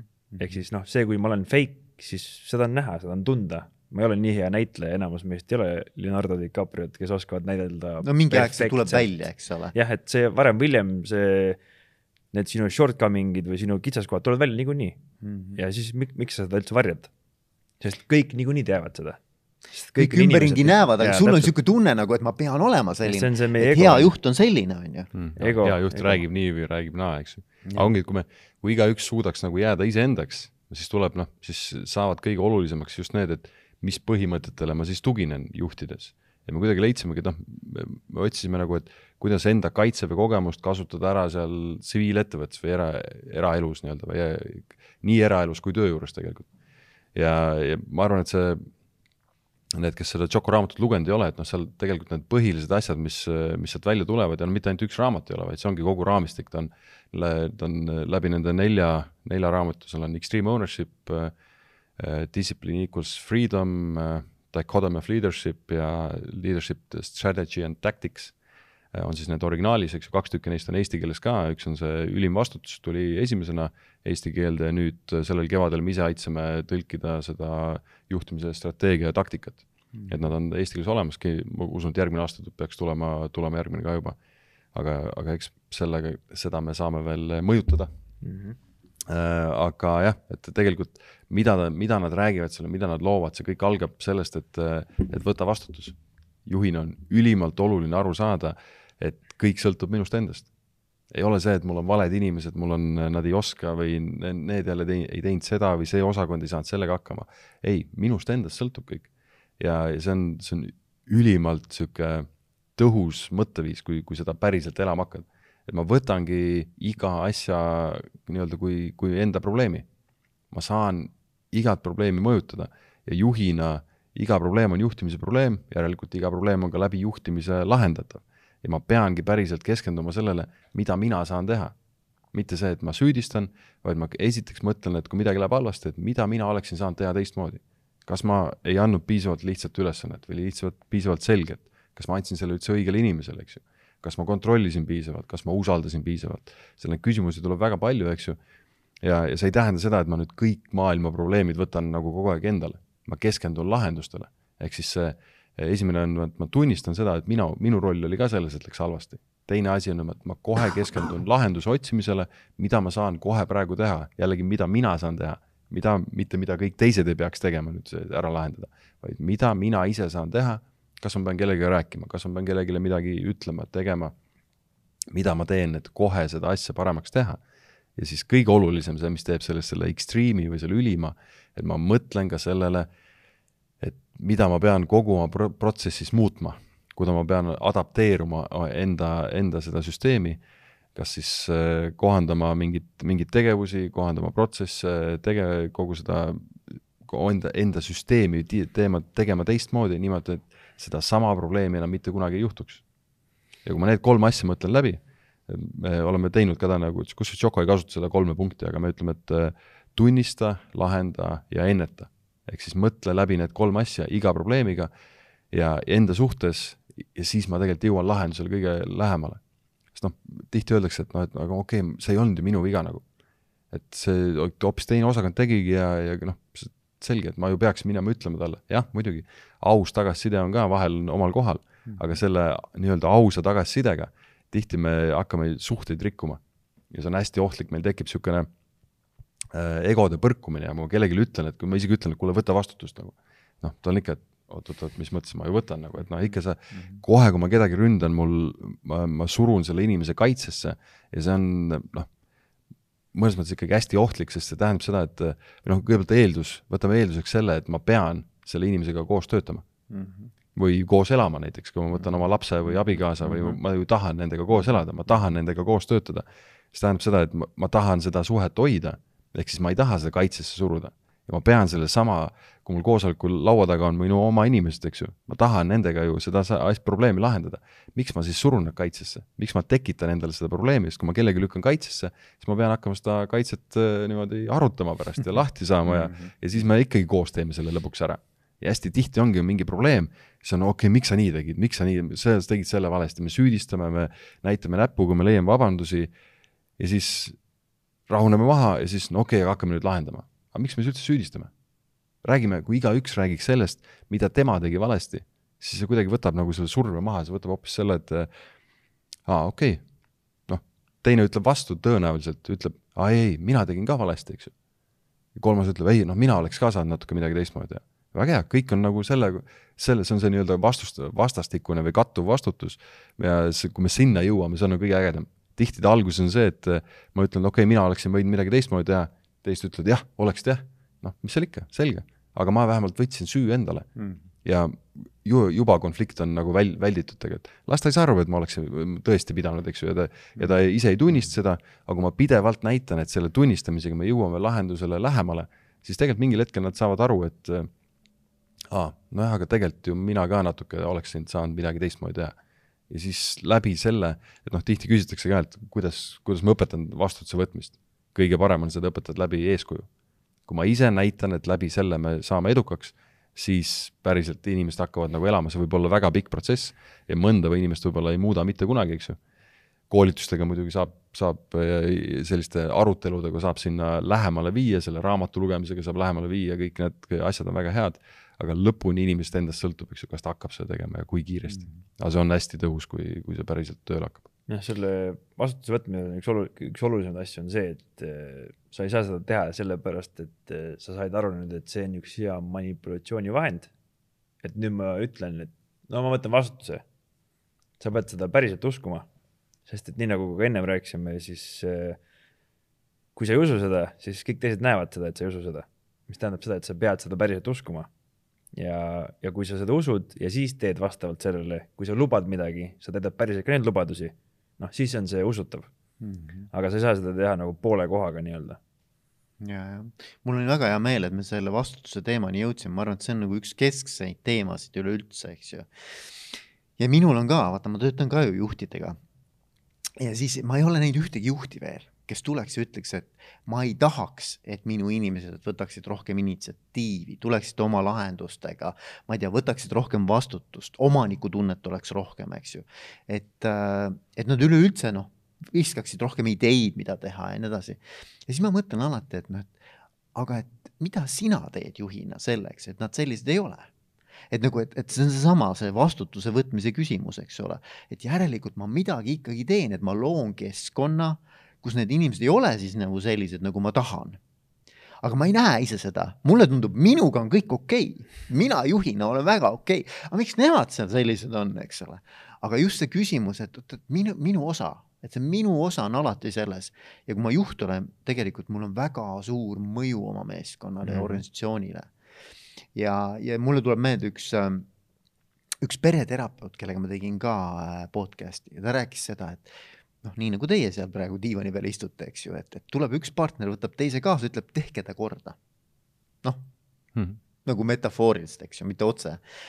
ja siis, mis ta ütles, et pahatihti on niimoodi, et ma pean selle inimesega, kes selle teise siia tõi, rohkem tööd tegema kui sellega, kes siia toodi mm. -hmm. mis on nagu paradoksaalne, eks ole. et, et see on seesama vastutuse teema, mida mina teen selles suhtes, et see suhe ei toimi, eks ju. täpselt et äh, mulle väga nagu meeldib see mõtteviis. seal on nagu egoga läheb kokku ka seesama asi, et äh, kui mina näiteks saan, satun kokku inimesega, kellel on suur ego ja siis ma ütlen, kurat, temaga ei saa üldse rääkida, tal on nii suur ego nagu. mida see nagu päriselt tähendab, on see, et minu ego on veel suurem sest ma ei suuda oma ego alla suruda, et tema ego saaks siis olla see, paista välja. tead, psühholoogid ütlevad veel niimoodi, et ma projitseerin iseenda ego teise inimese mm. peale, mis mulle endale enda juures ei meeldi mm, -hmm. aga siis ma näen teiste juures ja, seda, et see on ka päris huvitav, jah. ja, ja kusjuures see, see raamat, see ülim vastutus, eks ju, et me hästi palju soovitamist lugeda, aga tõesti lugege, lugege originaalteksti muidugi, kui, kui võimalik, aga need tõlked on eesti keelde ka väga just, kus peaks sellest ülimast vastutusest tulema ka see trükk kaks välja, mida me aitasime ka natuke kohendada, et ta oli enne ka väga hea tegelikult, et midagi, midagi seal halba ei olnud. aga kuhu ma tahan jõuda, et äh, kui inimesed loevad seda, siis ma olen näinud äh, inimesi kõrvalt, kes nagu me soovitame lugeda, siis ta tuleb tagasi, oh, väga hea, kuule, see on hullult hea raamat. et siin on täpselt kõik kirjas, mida kõik valesti teevad ja mida minu juhid valesti teevad. see on nagu ei, ei, sa lugesid valesti seda, see räägib sinust endast nagu. aga noh, see, see võtab vahel aega lihtsalt, et ma kõigepealt, ma loen selle läbi, ma saan, see on tegelikult täitsa okei okay,, et mul tulevad kohe nagu meelde, et oh, ma tean, et tema, tema tegi, oleks võinud teha hoopis teistmoodi, tema oleks võinud teistmoodi teha ja kõigepealt ma hakkangi märkama teistes seda mm.. aga mida rohkem ma samas ise ka teen, kui ma olengi päriselt juhi positsioonil, kusjuures siin tuleb nagu väike klausel juurde, et igaüks on juht tegelikult. ma tahtsin seda ka öelda. täpselt, et see on nagu, ma juhin oma sõpru, kolleege, oma peret, oma tuttavaid, ma juhin oma juhte, eks ju mm. -hmm. ma juhin kõiki mm, -hmm. sest äh, kommunikeerimine ja see suhtlemine, see ongi juhtimine tegelikult. aga jah, et kui ma märkan kõike, mida teised teevad valesti, aga samas ise tehes ja seda, seda asja nagu elades ja seda, neid põhimõtteid järgides, siis ma hakkan lõpuks märkama, oot-oot-oot, kas ma nüüd ise tegin õigesti või ei teinud. et ma, ma tean ise, kui ma, kui ma olen jõudnud sinna, et iga kord, kui mul tekib mingi konflikt või mingi probleem või mingi, ma näen, keegi läheb emotsionaalseks, siis ma mõtlen, okei okay,, mida ma praegu tegin valesti. et mida, ma midagi oleksin võinud ju teha teistmoodi, et seda asja ei juhtuks. ja siis ma suudan suhteliselt kiiresti tavaliselt äh, tagasi mõelda ja tavaliselt see jõuab ikkagi egosse, see jõuab sellesse, et ma, selge, ma eeldasin või tahtsin ennast näidata kuidagi paremini või teistmoodi või ja ma pean enda era, ego kiiresti alla suruma, see on see küsimus alati, et mis juhtimisoskus või omadus on kõige tähtsam inimesel. eriti kaitseväelasliku ju, juhti, juhil nii-öelda. Mm -hmm.. noh, tavaliselt inimesed pakuvad, no ikka julgus ja ma ei tea, kõva hääl ja eestjuhtimine ja kõik siuksed, et öö, otsustuskindlus ei, tagasihoidlikkus. kõige tähtsam juhtimisomadus on tagasihoidlikkus. see on inglise keeles humble, humbleness või ja, nagu alandlikkus või et, et täpselt see, et ma pean suutma aktsepteerida seda, et ma ei ole kõige targem. ja jällegi, see erioperatsioonides töötamine tõi selle väga hästi välja. meil ei lugenud auastmed praktiliselt midagi, sest kõiki võeti võrdsetena. kui sa oled enda eriala ekspert, vahet ei ole, kas see on lõhkeaine, masinad, meditsiin kui sa oled enda e-, ala ekspert ja sa tuled, õpetad teisi, siis kõik kuulavad. ja kõik tahavad päriselt õppida ja kõik saavad aru, et sul on midagi anda nii-öelda meeskonnale. ja nad päriselt tahavad ja võtavad sind kui võrdsena. ja ei ole seda, et ei, mis mõttes minu auaste on kõrgem, eks ju, sina nüüd teed seda. et seda, see oli äärmiselt, äärmiselt nagu niisugune võib-olla ka suur vahe nagu tavakaitseväega. et, et seal ikkagi seda nii-öelda auastmele rõhumist natuke on rohkem ma väga tahaks loota, et ka sealt tullakse seda järjest välja. sellel on oma koht muidugi, ega ma ei ütle, et distsipliin, käsk, see kõik peab olema, olema, see on omad eesmärgid sellel, aga tegelikult niisugune igapäevane töö, igapäevane suhtlus võiks olla täiesti normaalne ja me aktsepteerime seda, et kõik on äh,, igalühel on oma roll ja selles oma rollis on ta kõige targem ja kui ma tahan teda päriselt kuulata, siis ma pean enda ego alla suruma. ma pean ennast viima sellele tasemele, et ma suudan kuulata kui mul tuua, tuuakse mingi probleem, siis juhina ma pean aktsepteerima seda, et tema teab midagi, mida mina ei tea. ja ma ei tea, ja kui ma niimoodi hakkan mõtlema, siis ma saan järjest rohkem aru, et tegelikult ma ei tea enamus asju, eks ju mm.. Need inimesed, kes mul ümberringi on, kelle ma ise olen palkanud vahel, nad ju on selle jaoks mul tööl, et nad teeks enda tööd väga hästi. Nad koguks infot ja see on see, kui me juhtimise printsiipideni ka jõuame, see on täpselt see neljas printsiip, et hajutatud juhtimine. seal, kus on info, peab olema otsustusõigus ja ma ei tohi kõike seda otsustus, otsustamist endale haarata või endale nagu nii-öelda üritada saada, eks ju, ma pean päriselt usaldama inimesi ja nad üllatavad üldiselt positiivselt ja väga positiivselt isegi, kui, kui loovad inimesed võivad olla, kui, kui ägedaid ideid neil tuleb, kui ägedaid lahendusi, et et see on jah, niisugune hästi-hästi tõhus, kui see päriselt tööle saab. ja selle juures ongi huvitav on see, et mitte ükski asi pole must ega valge. Kuigi see raamatu nimi Extreme Ownership võib tunduda nagu, et see on ekstreem, on ju. isegi see kaanekujundus on Just. natukene mustvalge. aga, aga see, aga see reaalsus on see, et see tegelikult on seal see kesktee nagu, on see, kus see päriselt see tõde. tasakaalu leidmine. tasakaalu leidmine jah ja. mm.. ehk siis noh, kui me võtamegi seda, et kui ma olen liiga tagasihoidlik, siis see ei tööta kui ma olen nagu liiga egol, lasen driven, üldse egot pole, see ka ei tööta. Ehk siis tegelikult mul on vaja neid mõlemaid äärmusi, aga igas olukorras on see kuld, vastavalt sellele olukorrale tegelikult see optimaalne asi olemas. see, kus kohas see justkui võiks olla ideaalis. ehk see hästi niisugune pokkeri paralleeli tuua sellele, et äh, alati igas olukorras on sul, sa ei tea, mis vastasel täpselt käes on, aga sa tead mingit range'i või mingit hulka ja seal on olemas mingi optimaalne otsus, mis enam-vähem äh, toob meile enam-vähem sellise, ma ei teagi, seitsekümmend protsenti tulemuse mm -hmm.. ehk siis ma enam-vähem tean, et see on õige, ma ei tea, et sada protsenti on, ja eks seal on mänguruumi ka. aga meil on vaja leida see kesktee, et äärmusi ei ole, kui ma võtangi extreme ownership'i ja nüüd ma üritan kõik asjad üksinda ära teha. noh, siis ma justkui võtan ownership'i kõikide asjade ees, aga reaalselt ei toimi yeah.. eks mul, ma ei saa seda teha eks mul on vaja ikkagi leida see balanss seal kuskil keskel.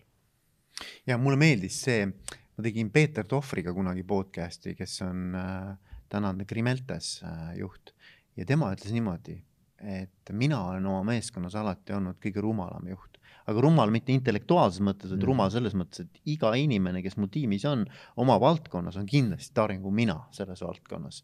ja kui see nii ei ole, siis ma olen teinud värbamisvea, eks ole ja noh, see läheb hästi kokku sellesama loogikaga, et tegelikult meil on nagu tiim, igalühel on oma spetsiifiline roll, oma spetsiifiline know-how, eks ole, ja, ja me tegelikult usaldame nagu inimesi selle pealt, eks. täpselt, seal sinna juurde käib täpselt see hullult hea ütlus minu arust, ei ole olemas halbu meeskondi, on ainult halvad juhid. Mm.. ja kokkuvõttes juht komplekteerib meeskonna, juht koolitab meeskonna, juht paneb meeskonna tööle, juhi kohustus on ka sealt meeskonnast inimest ära saata. Kui keegi takistab äh, meeskonna võitu, siis see inimene on vaja välja vahetada. aga noh, see on jällegi tasakaalu leidmine, meile meeldib ikkagi öelda, et inimene on tähtis, töötaja on tähtis, töötaja koolitamine, temaga tegelemine on ülimalt oluline. aga noh, millal ma vallandan lõpuks inimene? ma pean inimese, ma pean selle millil het-, mingil hetkel tegema, ma, ja siis, kui kõik juba teavad, et asjad on halvasti, siis on üldiselt hilja. ja meile väga juhina meeldib äh, oodata Äh, selle hetkeni või kuidagi, et äkki ikka kuidagi saab hakkama, äkki ikka kuidagi saab nagu, et ta küll ta ju noh, ta inimene tahab ju head. Kui ma saan aru, et ta takistab meeskonna võitu, ta ei tööta meeskonna võidu heaks kaasa, siis mida kiiremini see otsus teha, seda parem ikkagi. aga noh, see, me, me oleme ka arutanud sel teemal väga palju, et noh, lõpuks, kui, kui ma tunnen, et ma olen kõik teinud, et seda inimest aidata või teda viia õigele suunale või, või nii-öelda, et ta saaks nagu meeskonnale positiivselt kasu tuua, nii nagu ta võiks. Ja kui ma kõik olen proovinud ja ikka ta ei saa seda hakkama, ikka tulemust ei tule, vot siis on küll viimane hetk nagu, et selle peab otsuse ära tegema. ja see on jällegi juhi kohustus, ehk siis juhist sõltub täielikult, kas meeskond töötab kokku või ei tööta ja kas ta on edukas või ei töö, või ei ole edukas. aga me kindlasti nagu kardame ka neid konflikte ja raske, raskeid otsuseid kardame millegipärast hästi palju, sest et kellegi ongi, palk on mängus, pere on mängus, erinevad asjad on mängus ja me ei suuda neid otsuseid vastu võtta. Ja ka noh, niisugune hea ütlus, mis mulle ka keegi ütles kunagi, eks kui me midagi seal eh, pekki keerasime kuskil oma varustusega või mida iganes, siis eh, öeldi, et halvad uudised ei lähe ajaga paremaks, nii et ütle kohe ära, kui sul midagi valesti on. siis me saame seda kohe adresseerida, ehk siis kui me teame, et tankid tulevad viie minuti pärast siia meie positsioonile või noh, ütleme mitte viie minuti pärast, vaid kahe tunni pärast.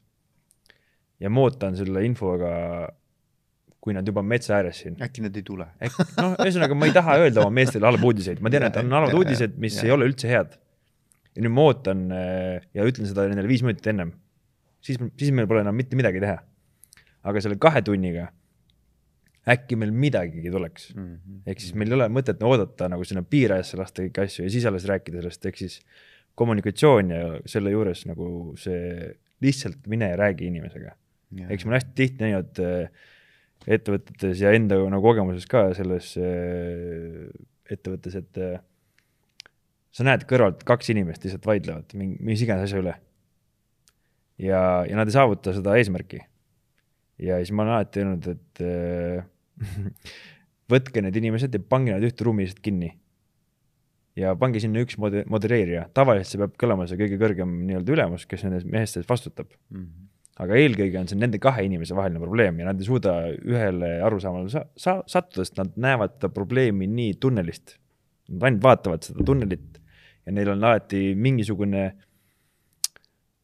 personaalne ego või kellelgi on suurem ego ja alati enamus äh, probleemid, mis kahe inimese vahel üldse saavad olla, on ego probleemid. no võimu, võimu võitlus. võimu, võimuvärk mm. ja noh, nii kui sa selle esimese sammu ära teed, siis on kohe endeks, siis ei tule sealt mitte midagi. Ja siis ongi nagu ülema seisukohast, sa tahad, et see meeskond töötaks ja sa näed, et tegelikult siin mingit probleemi ei olegi. nüüd, äh, kui sa üritad seda lahendada nii-öelda kõik koos kolmekesi niimoodi, et sina pakud lahendusi välja, mis iganes tagasi, siis see nagu üldjuhul ma ei ole näinud, et see väga palju toimiks. aga kui sa räägid personaalselt üks-ühega ja sa sillitad nende mõlema egosid eraldi ja räägidki nendele selles mõttes sellest, et äh, milles nad ongi väga head ja mis sinu eesmärk on eraldi temaga, siis räägid teise inimesega, mis sinu eesmärk on, siis sul on, on võimalus, see võtab väga palju ressursse loomulikult, aga samas see on kõige kiirem tee lahenduseni siis on võimalus, et nad mõlemad istutavad need seemned sinna õigesse kohta ära ja nad tegelikult saavad aru, et nad tahavad ühte asja teha. Nad lihtsalt on niivõrd kinni selles olukorras, nii nagu ka seal treeningul, kui sul on aeg-ajalt vaja seal äh, võib-olla eesrindel mingi otsus vastu võtta, sul on vaja ennast lahti ühendada sellest olukorrast. ja kui sa oled probleemi sees ja see ülem sind ei tõmba sealt välja, noh, siis sul on võib-olla ise sealt äh, palju keerulisem välja tulla mm. -hmm. ja, ja see lahti ühendamine olukordadest, et näha seda suuremat pilti et saada aru sellest, et tegelikult me räägime siin ainult egode pärast, me siin võitleme üksteisega.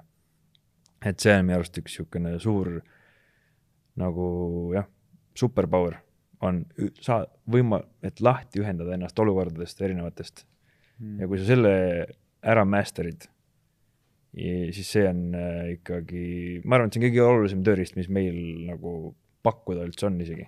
see oli ka üks printsiip, eks ole, detach ja Just. vaata nagu suurt pilti, eks ole mm.. jah, ta on, äh, see on isegi, tal on läbivalt, et noh, need printsiibid siis on äh, kata ja liigu, lihtsus, hajutatud, tähendab prioritiseeri, prioriseeri, eesti keeles on prioriseeri, mitte prioritiseeri.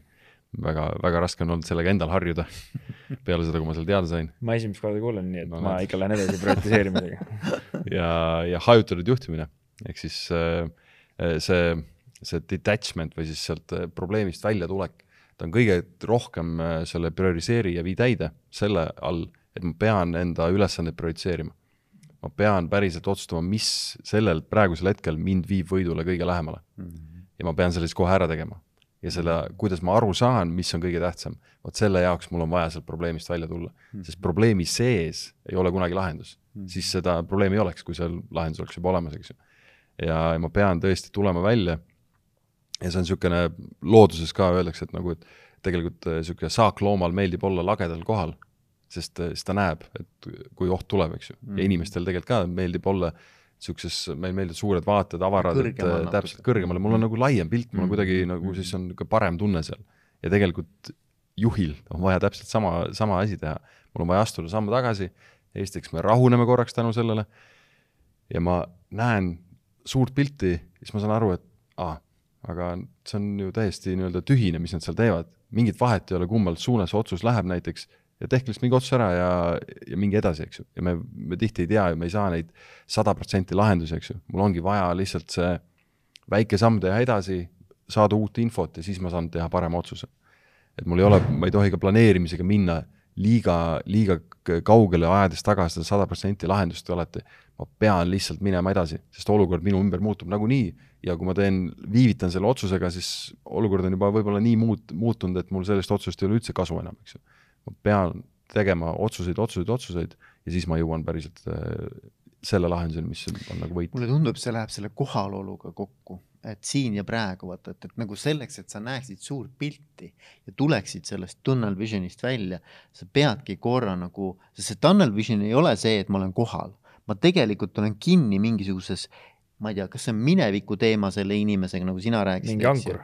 Või mingi algne mingisugune, mingi mm. põlev hõõgu, mingisugune asi seal lõkke all, millest ma ei saa kuidagimoodi lahti. mingi unfinished business minu jaoks, eks ju. aga kui ma nüüd tulen kohale ja ma näen kogu seda pilti, see ongi selleks, et ma peaksin kuidagimoodi sellest probleemist nagu eemalduma ja siis ma nagu näen seda. minu arvates räägib ka Jaan Aru, kes on siis äh, ajuteadlane, räägib sellest, et loovus ja uued lahendused või saavad tekkida siis, kui sa tunned probleemist välja. et sa ei ole selle probleemi kallal, vaid sa lähedki näiteks jalutama parki või mm, -hmm. või sa lähed trenni näiteks või et sa üldse ei mõtle enam selle teema peale, kuklas sul kuidagimoodi kerib ja tulevad uued mõtted, sest sa oled nagu andnud sellele õhku peale, sa oled nagu tulnud sellest teemast natukene nagu mhm. eemale mm. -hmm. kus ma just, äh, just loen Jaani seda mis on loominguline, loomingulisest ja logelemisest või? väga, väga äge raamat, aga äh, jah, kui tä, täpselt, et ma pean, pean nägema suuremat pilti, aga kusjuures, kui ma nüüd äh, praegu mõtlen, mis, millest sa rääkisid, ta ei ole ainult see, et ma, et ma olen nagu noh, sa võid olla ka see kohal, sa võid olla ka hetkes, aga juhina sa võid minna just sinna hetkesse liiga sisse et ma lähen nagu, nagu me toome ise seda, seda relvaoptika näidet, et kui ma võtan niisuguse optika, millega ma näen väga kaugele, ma näen ühte detaili oma selles probleemis või selles olukorras, et see tähendab, et ma võin olla liiga kohal et ma lähengi jälle liiga äärmusesse, eks ju. täpselt mm, -hmm. ma tahan seda eksperti aidata, eriti kui, kui see oli minu eriala, millega, millega ta tegeleb, eks ju, see on, mina olin selle eriala ekspert või siiamaani olen, siis ma ju tahan ka näidata, et ma panustan sinna ja ma tahan väga seda, seda probleemi aidata tal lahendada ja ma lähen sinna väga süvitsi ja ma lähen mingi detaili ja kuule, et tegelikult see, pane nagu sinna hoopis või tee niimoodi see lahendus või see kood kirjuta hoopis niimoodi või. aga see ei ole see, mis juht peaks tegema mm. -hmm. juht, juhil see, see needsamad äh, FTX koolitused, mida me teeme, eks ju, et noh, kui sa ise seal juhi rollis olid, sa saad tegeleda ühe asjaga korraga. Need ülejäänud inimesed, mis ümber teevad, see kogu see info, mis seal liigub, mis seal toimub, eks ju, ma ei jõua sinna, ma ei näe seda, eks kui ma liiga süvitsi lähen sinna ühte asja sisse, siis ma saangi ainult seda aidata, aga mm. mingi muu asi võib olla palju rohkem tähtsam. ehk siis mis asi mind praegu viib võidul kõige rohkem lähemale, võib-olla hoopis see, mis toimub minu selja taga. Mm. minu inimesed võiks tulla ja öelda mulle seda aga tegelikult on minu enda kohus ikkagi vaadata päriselt ringi ja, ja see, sellepärast me teemegi maastikul neid koolitusi, et seal tuleb nii piltlikult see välja, et kui ma olen seal punkris või kuskil majas või noh, ma ei tea tegelikult, mis mul väljas toimub ja ma ei teagi ja ma ei saa teha seda otsust ja ainus võimalus on päriselt sellest asjast välja tulla, vaadata ringi, suhelda oma inimestega ja siis ma saan õige otsuse teha või parema. et see on jah, hästi pull see, just see praktiline osa, et kuigi ta võtab noh, teisest maailmast nagu mingisuguse stsenaariumi või, või, või sellise nii-öelda lahingu noh, mäpi, eks ju, mhm. kaardi, et, et siis tegelikult sa võid ennast panna täpselt samamoodi igapäevases juhtimissituatsioonis mingi probleemi ette, eks ole. et kuidas ma siis käitun, et noh, ilmselt see käitumisviis on analoogne, et ma hakkan ikkagi samamoodi toimima, nii nagu ma toimiksin ükskõik mis probleemi või väljakutse ees, eks ole. ja siis on hea vaadata nagu, et oota, see on nagu hästi sihuke kiire nagu tagasiside, et oot-oot-oot, mismoodi ma siis iga päev toimetan, eks ju mm -hmm.. et see, see mulle. seal ongi see huvitav asi, et tegelikult see nagu see, et see on selles lahinguväljal, see on sellest üks osa, selle idee on selles mõttes see, et enamus inimesi pole seal kunagi käinud mm. -hmm. ja sa satud olukorda, kus sul on vaja otsus vastu võtta, aga sa ei tea, mis on õige otsus. Ja neid olukordi tekib piisavalt palju elus ka, kus sa oledki esimest korda selles olukorras, aga sul on vaja ikkagi midagi teha. ja see tööriist või see nii-öelda see kogemus, mis sealt saad, ongi tegelikult see, see näitab sulle, et sa tegelikult suudad lahendada ülesandeid ära, milleks sa ei oleks elu sees arvanud, et sa suudad lahendada. Need on ju täiesti teisest maailmast. Äh, loomulikult sa ei saa olla eksperdiks selles, aga reaalselt äh, see, see otsuse vastuvõtmine ja edasiliikumine on üks põhilisi asju, mida sealt nagu kaasa endaga saad. Ja jah, kusjuures, kes nüüd aru ei saa, millest me räägime, siis kui lähete combatready.ee kodulehele ja lähete koolituste all on FTX ehk siis praktiline juhtimistreening, juhtimistreening, täpselt. Äh, siis seal on ka videod ja, ja kogu see info olemas, aga jah, ma, kuidas, kuidas ma ise toon alati seda paralleeli, paralleeli, et kuidas ma ka kasutan mujal neid juhtimisprintsiipe, et ma esiteks pean mõtlema kõigepealt meeskonnatööle, ma pean mõtlema see kata ja liigu, et kuidas ma katan teisi kõigepealt. Ja alles siis hakkan ise liikuma. et kui ma ei ole keskendunud sellele, et kas ma saan äkki kedagi veel rohkem aidata, siis kui igaüks teeb sama, siis jällegi see meeskonnatöö on nagu ülihästi hakkab tööle, ja, ja nagu seal päeva jooksul nägid ilmselt see, mis te tegite esimesel operatsioonil, keegi ei saanud midagi aru, kõik noh, omast, eks ju, uued inimesed ka ja kõik see, aga lõpuks viimased operatsioonid, väga sujuv, väga täiesti, kõik on nagu noh, ilma selleta, et ta isegi oma nimesid või kõigi tiimiliikmete nimesid tehakse, igaüks teadis ja keskendus sellele äh,, igaüks teadis seda, et kuidas tema saab aidata rohkem mm., keskendus sellele, kuidas tema saab võidule kaasa aidata mm.. ja kui igaüks seda päriselt teeb, siis võit tulebki, eks ju. ja niimoodi, niimoodi see on igas keskkonnas. ei, see oli, see oli väga kihvt kogemus jah. ja, ja selles mõttes just, et noh, et, et ta toob reljeefselt välja sinu profiili, milline sa oled ja, ja noh, üks asi, mida ma muidugi ütlesin, et mida saaks teha, võib-olla rohkem nagu meeskonnaliikmete tagasisidet ka anda, noh, see, selleks on vaja aega, eks ju mm -hmm.. võib-olla ta peab pikem sellisel juhul olema või vähem stsenaariume läbi mm -hmm. mängima, on ju. aga tegelikult see on hästi mõjus ka, et kui grupp toob välja nagu juhile, kuule, näed, ma nägin neid asju, on ju et kahepäevased peaks need olema. see peaks tegelikult kahe või poolteist päeva, midagi aga seal on jälle see tekib, et äh, inimeste aeg ja kõik see ja juhil, eriti juhil on Aru nii saada. raske võtta seda ühte päevagi aga noh, seal needsamad printsiibid edasi võttes, et kui seal see teine on lihtsus, eks ju, seal tuleb nii selgelt välja see, et kas noh, kas minu sõnum on üldse arusaadav teistele ja kui nad ei saa sellest aru, siis nad ei saa ju seda täita. me kuidagi nii eeldame seda, et ju kõik, rääkisin kõik selgelt, eks ju, kuidas, me küsime mm -hmm. alati, ka, et kuidas teil läks see ei, planeerimine läks väga hästi, info edastamine läks hästi, kõik said aru. siis küsisid teiste käest, kas te saite aru? ei. pull on veel see, alati teised ei ütle, et ei saa aru. see on ka veel ja. vastutuse võtmine, eks ju. mina võtan vastutuse, et ma küsin siis kas sa said aru? ei, ei ma, ma ei tea, on ju, ma, ma ei saanud, aga ma ei öelnud ka midagi. ja just see, millest sa aru said, et see on see mhm. tagasilugemine, mida me seal väga propageerime, et laske teistel seletada, see on alati, kui, kui sihuke plaan on ära esitletud, eks ju, ka koosoleku lõpus ma ju juhina, ma räägin kõik ära, mis tegema peab, kõik on info andnud, kõik on nii selge ja nüüd ma räägin, ma kordan igaks juhuks uuesti üle, mida me nüüd tegema hakkame siis. ja ma räägin rahulikult selle üle. aga selle asemel võiks lasta hoopis öelda, kuule, aga räägi ise, mis sina tegema hakkad, räägi sina, mis sina tegema hakkad mm. -hmm. sina räägi üldse, mis tema tegema hakkab, eks ju, et sa, sa kontrollid ka seda, kas teised said aru, mis, mis kolmas inimene nii-öelda teeb mm. -hmm. ja see on eriti mõjus, sest ma pean, et, teisi toetada, ma pean teadma, mida nad teevad mis tähendab, et ma pean kuulama mitte ainult enda osa plaanist, vaid ma pean kogu plaanist aru saama. ja kui see tuleb nagu välja äh, ja, ja päriselt inimesed saavad ka aru, et ka tema teab, mida ma teen ja ta toetab mind päriselt, ta teab, teab, millal toetada, ilma võib-olla, et ta ise küsiks, vot see on, see on väga tõhus, siis inimesed mm. ja meeskonnad päriselt hakkavad tööle mm. -hmm. ja sellepärast ka need printsiibid lähevad tegelikult äh, hierarhiliselt, et noh, ma pean saama meeskonnatöö paika kõigepealt, et inimesed üksteist toetavad siis ma pean hoidma asju lihtsana, lihtsana, sest mida suuremaks meeskond kasvab, seda suuremaks läheb keerukus. ma pean keerukust hoidma teadlikult kontrolli all, nii struktuuridega, nii mingite etappidena, faasidega, kogu protsessidena, ma pean võimalikult väikseks hoidma jah, seda jah, kommunikatsioon peab olema lihtne, selge, äh, arusaadav kõigile. siis tuleb prioritiseerimine ja täideviimine, et kui ma olen, kui meeskond töötab, asjad on lihtsad, siis ma pean õiget tegevust tegema sest muidu ma jooksen vales suunas ja see ei jõua mitte kuhugi, eks ju. hullult hästi jookseme, aga vales suunas. ja, ja viimane on see hajutatud juhtimine, et kui tõesti meeskonnad juba kasvavad nii suureks, et, et noh, üks inimene ei suuda seda kontrollida enam, siis ma pean neid päriselt usaldama, see on see, mis ma enne rääkisin ka, et, et kus on info, seal peab olema otsustusõigus, muidu ma aeglustan protsessi no see oli tegelikult ka seal äh, maastikul näha, et, et mingil hetkel tegelikult sa oled olukorras kasvõi nii-öelda kahestes või kolmestes puntides.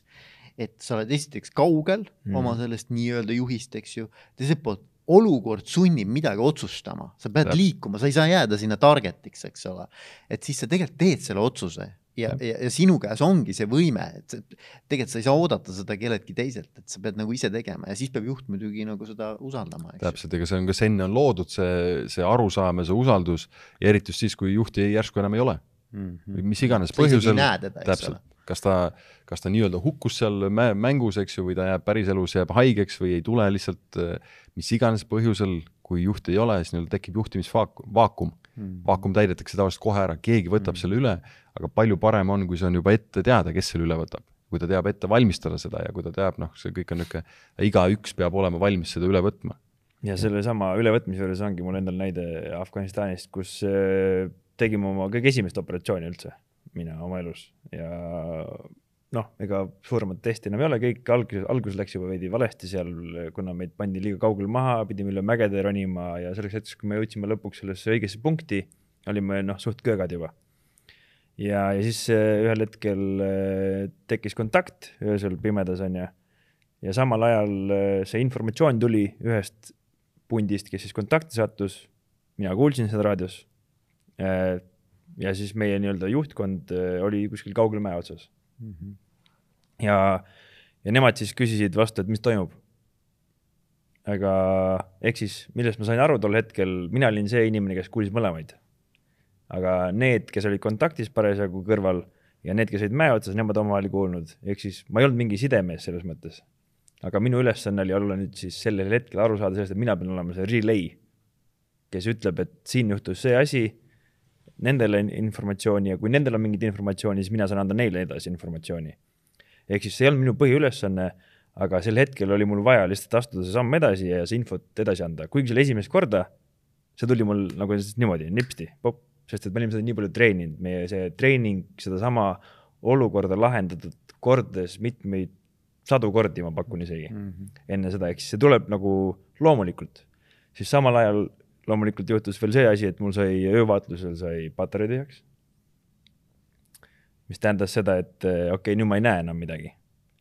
samal ajal oli vaja uut infot edastada, siis ma mõtlesin, okei okay,, minu jaoks prioriteet, prioriteet, prioriteet, prioriteet on nüüd see öövaatlus korda saada. sest et see, kui ma edastan info ära, aga samal ajal eh, tuleb kontaktiks läheb ja mul on vaja liikuma hakata, no siis ma olen eh, pimeduses yeah.. ehk siis minu jaoks prioriteet muutus ma lahendasin olukorra ära, vahetasin materjali ära, nii väga tore. siis järgmisena ja niimoodi need prioriteedid kogu aeg muutuvadki. terve seesama aeg eh, lõppkokkuvõttes oli mina, mul oli vaja olla esimene inimene, kes tagasi läheb, sest et eh, see ülesanne anti küll mu teisele tüübile, aga temal oli omadega nii, nii läbi juba. sest tema tuli sealt kontaktist kõrvalt. ja siis ta ütles, et kuule, mulle anti ülesande küll, et ma pean olema nii-öelda point man, ehk siis point man on see inimene, kes kõnnib kõige esimesena. et tagasi jõuda sinna mäe otsa. ta ütles, ma ei tea, kus me tulime nagu ma ei tea, mul mm. täiesti, ma ütlesin no problem ja läksin ise esimesena. ehk siis neid hetki, kus sa saad võtta nii-öelda selle juhtimise ja tulla ja ehitada seda suhet, need on, neid on hästi palju mm. -hmm. ja kõik sõltubki sellest, kas sa oled valmis seda tegema ja kas sa tahad seda teha. ehk siis needsamad, need väiksed äh, nii-öelda asjad, mis me tegime, need kasvatasid meie suhte tohutult suureks. me ei rääkinud seda võib-olla kellelegi teisele, et see niimoodi juhtus, et ma võtsin üle selle asja. aga meie jaoks see tekitas nagu niivõrd suure suhte ja tegelikult tsiviilmaailmas täpselt samamoodi. Äh, mul on olnud võimalik töötada ka inimestega, keda ma tean varasemalt, on ju. ja, ja kui sul on ikkagi seal sõber, sõber ees, keda sa tunned võib-olla kümme aastat, mis iganes. ja sa ei peagi nende eest küsima mingeid asju, nad tulevad ja aitavad sind ise. ja kui sul on väga head suhted, ehk siis see ongi see esimene cover and move, ehk siis kui me saame aru, et me oleme üks meeskond siis kõik hakkavad pihta suhetest, ainukene viis saada häid suhteid kellegiga on arendada neid. ja mitte siis vaadata, kuidas mina sealt kasu saaksin, vaid kuidas mina saaksin aidata seda teist inimest, sest mul mingi hetk on niikuinii see hetk, kui mul on mingit abi vaja. ja kui mul, ja maru halb on minna esimesena sinna sel hetkel, kui mul abi on vaja, abi on vaja ja ma pole temaga kordagi rääkinud, kuule, mul oleks vaja seda asja. siis on väga maru raske seda asja saada, sest et see tähendab seda, et sina lähed võlgu ja hakkad jääma aga sa tahad tekitada seda pangakontot, mis on plussis. ja ma arvan, et see on ka hea, väga hea näide sellest, et tõesti, et igaüks on juht, et ei ole vaja seda positsiooni või ametikohta või seda, et mul peab olema kogu aeg äh, valmidus võtta juhtimine üle oma, oma lõigus, oma selles kohas ja sellepärast me räägime ka kõigile kogu aeg, et on ülimalt oluline arendada endas neid juhioskusi. kas või alustades needsamad ju, neli juhtimisprintsiipi igaüks võiks need endale selgeks teha, me võiks päriselt arutada probleeme läbi nende nelja printsiibi, kas ma katsin piisavalt, kas ma hoidsin asju lihtsana, kas ma suutsin projitseerida õigel ajal õiget asja, kas ma kasutasin hajutatud juhtimist, eks ju, kas ma usaldasin teisi. ja kui ma päriselt keskendun nendele neljale asjale, siis tegelikult kõik probleemid muutuvad palju lihtsamaks. Ja muidugi loomulikult selle, kõige selle juures peab olema see vastutuse võtmine, ma räägin seda läbi enda. Mm., nagu me teeme seal tagasisidet, eks ju mida mina tegin valesti, mitte oi, nemad ei saanud sellest aru, nemad tegid seda valesti. mida mina tegin selles olukorras valesti, mida ma oleks saanud teistmoodi teha, mida ma teen nüüd järgmine kord uuesti või noh, muudan oma järgmises tegevuses. ja täpselt niimoodi me lahendame neid probleeme kõige paremini, eks ju, et ja, ja igaüks on juht tõesti ja igaüks peaks endas seda juhtimisoskust arendama mulle meeldib väga see vastutuse teema, selle nagu, nagu selles mõttes, et mul, mulle lööb kohe nagu silme ette sellesama selle stoitsistliku nagu selle maailmavaate, et, et, et ma võin muretseda noh, kõige pärast, mis siin maailmas toimub, eks ole. aga nüüd on küsimus, et muretsemisest on nagu vähe kasu, kui ma ei küsi, mida mina saan selleks teha. ja alati on midagi, mida ma saan teha, noh, kasvõi see pisike asi, eks ole, aga midagi ma saan ikka teha kasvõi seda, et ma ütlen, et see läheb mulle korda ja, ja et juba see on suur asi, eks ole. aga et nagu küsida enda käest, et mis see minu mõju ulatusring on, mitte see, mille pärast ma muretsen mm.. mure, murering on väga suur, on ju, et ma muretsen, ma ei tea, et lapsed Aafrikas nälga ei jääks, eks ole. noh, rääkimata Ukrainast ja nii edasi, eks ju, aga minu mõjuulatusring, mida ma päriselt nagu mõjut-, noh nagu mõjutada saan, see on ka ju olemas, et noh, siis seal hakata toimetama. et selles mõttes see vastutuse teema mulle väga-väga nagu sümpatiseerib. minu arust, kui seda vastutust võtad, siis tegelikult elu muutub palju lihtsamaks. sest see on kerge, sa tead, et kes selle kõige taga on, kes on see, kes saab midagi muuta, see olen mina nagu. ja minu, minu, minu jaoks see muutus nagu kergemaks asja, elu üldse kõike asjade vaates ja seal tuleb ka nagu noh, seal võib läbi põleda, selles mõttes ma olen seda mitmeid kordi elus nagu teinud, kokkuvõttes läbi põlenud, liiga suured eesmärgid seadnud, üritanud teha liiga palju asju korraga, liiga kiiresti, hüppavad üle oma varju. aga, aga kokkuvõttes on see, et ma ei saa, ma pean millegile keskenduma, ehk siis see kolmas reegel, prioritiseerimine. kui ma tahan saada ühe aastaga väga heaks klaveri, kitarri ja ma ei tea, flöödimängijaks ja ma ainult need kolm asja teen korraga, siis äh, ilmselt saad kõikides nendes kolmes nii-öelda enam-vähem keskmiseks või mis iganes. aga kui ma teen nüüd kolm aastat, iga aasta teen ühe ja saangi selles väga heaks.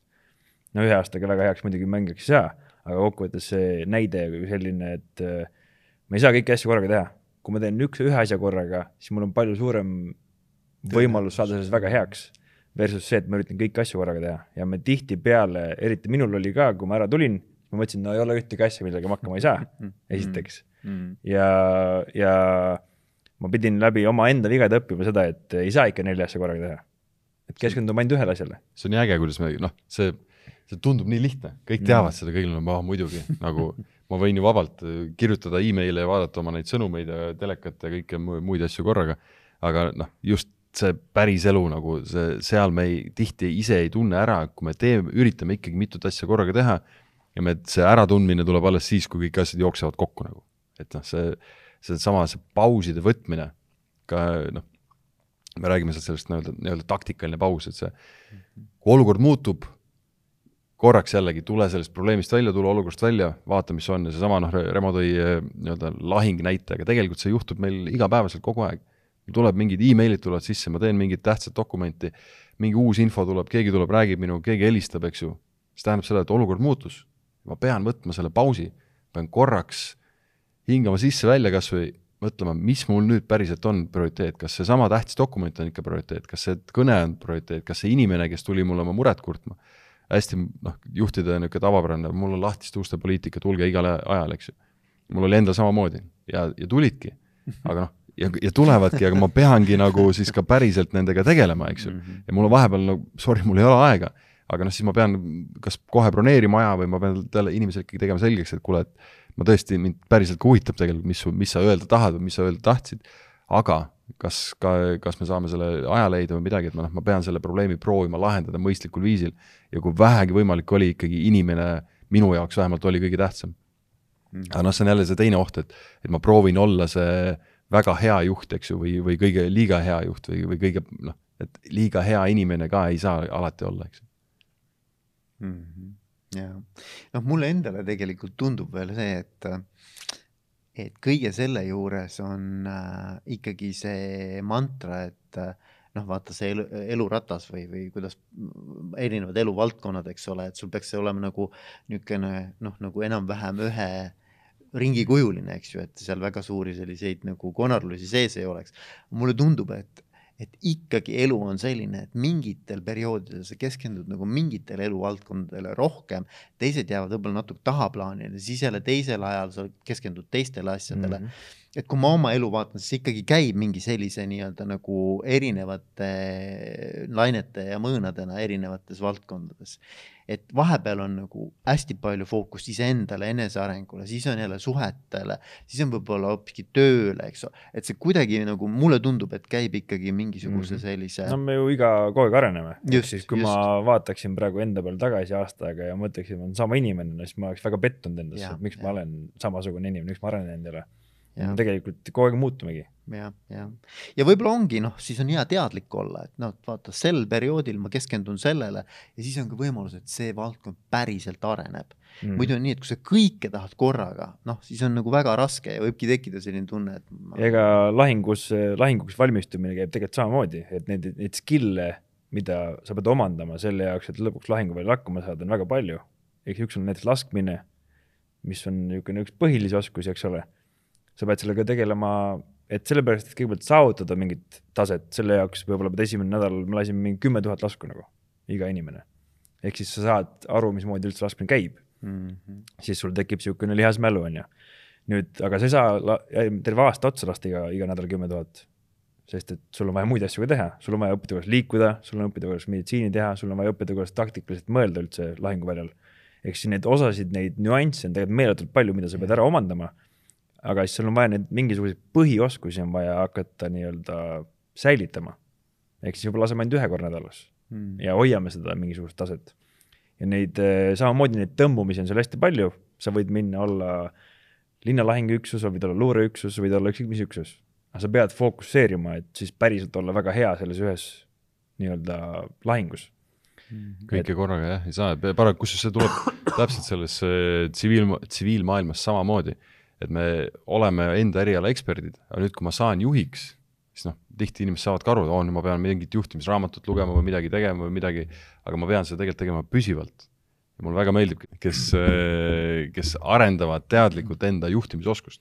see võib olla läbi raamatu, läbi, läbi raamatuklubide, mul kusjuures endal õnnestus alustada üks, üks selline, et, et me arutame iga kuu ühte raamatut seal ERKIK-is, kus ma praegu töötan ja ma olen väga ägedad inimesed saanud enda, enda ümber ja tegelikult minu eesmärk oli seal lihtsalt ise lugeda üks, noh, ta ei pea olema juhtimisalane, lihtsalt e-, mind ennast arendav raamat äh, kuus, mis on minu jaoks kusjuures väga palju, ma ei ole nagu Üliäge, väga niisugune suur lugeja olnud äh, läbi elu ja, ja mul oli vaja lihtsalt inimesi enda ümber, kel, kelle nii-öelda, kes, kellele ma saan lubada, et ma loen selle läbi ja, ja väga äge oli vaadata, et, et sealt tuli väga mitmed kaasa eks nad hakkasid päriselt äh, sama asja tegema ja neile väga meeldis see, nad ise tunnevad, kuidas nemad läbi selle arenevad, arenevad ja, ja saavad jällegi natuke paremaks nagu, ehk siis sealt tuleb nii juhtimisoskus, sealt tulevad uued mõtted, ma pean kuidagi seda uudsust endale tooma kogu aeg mm. ja, ja juhina tõesti, kes ei ole neid Choco ra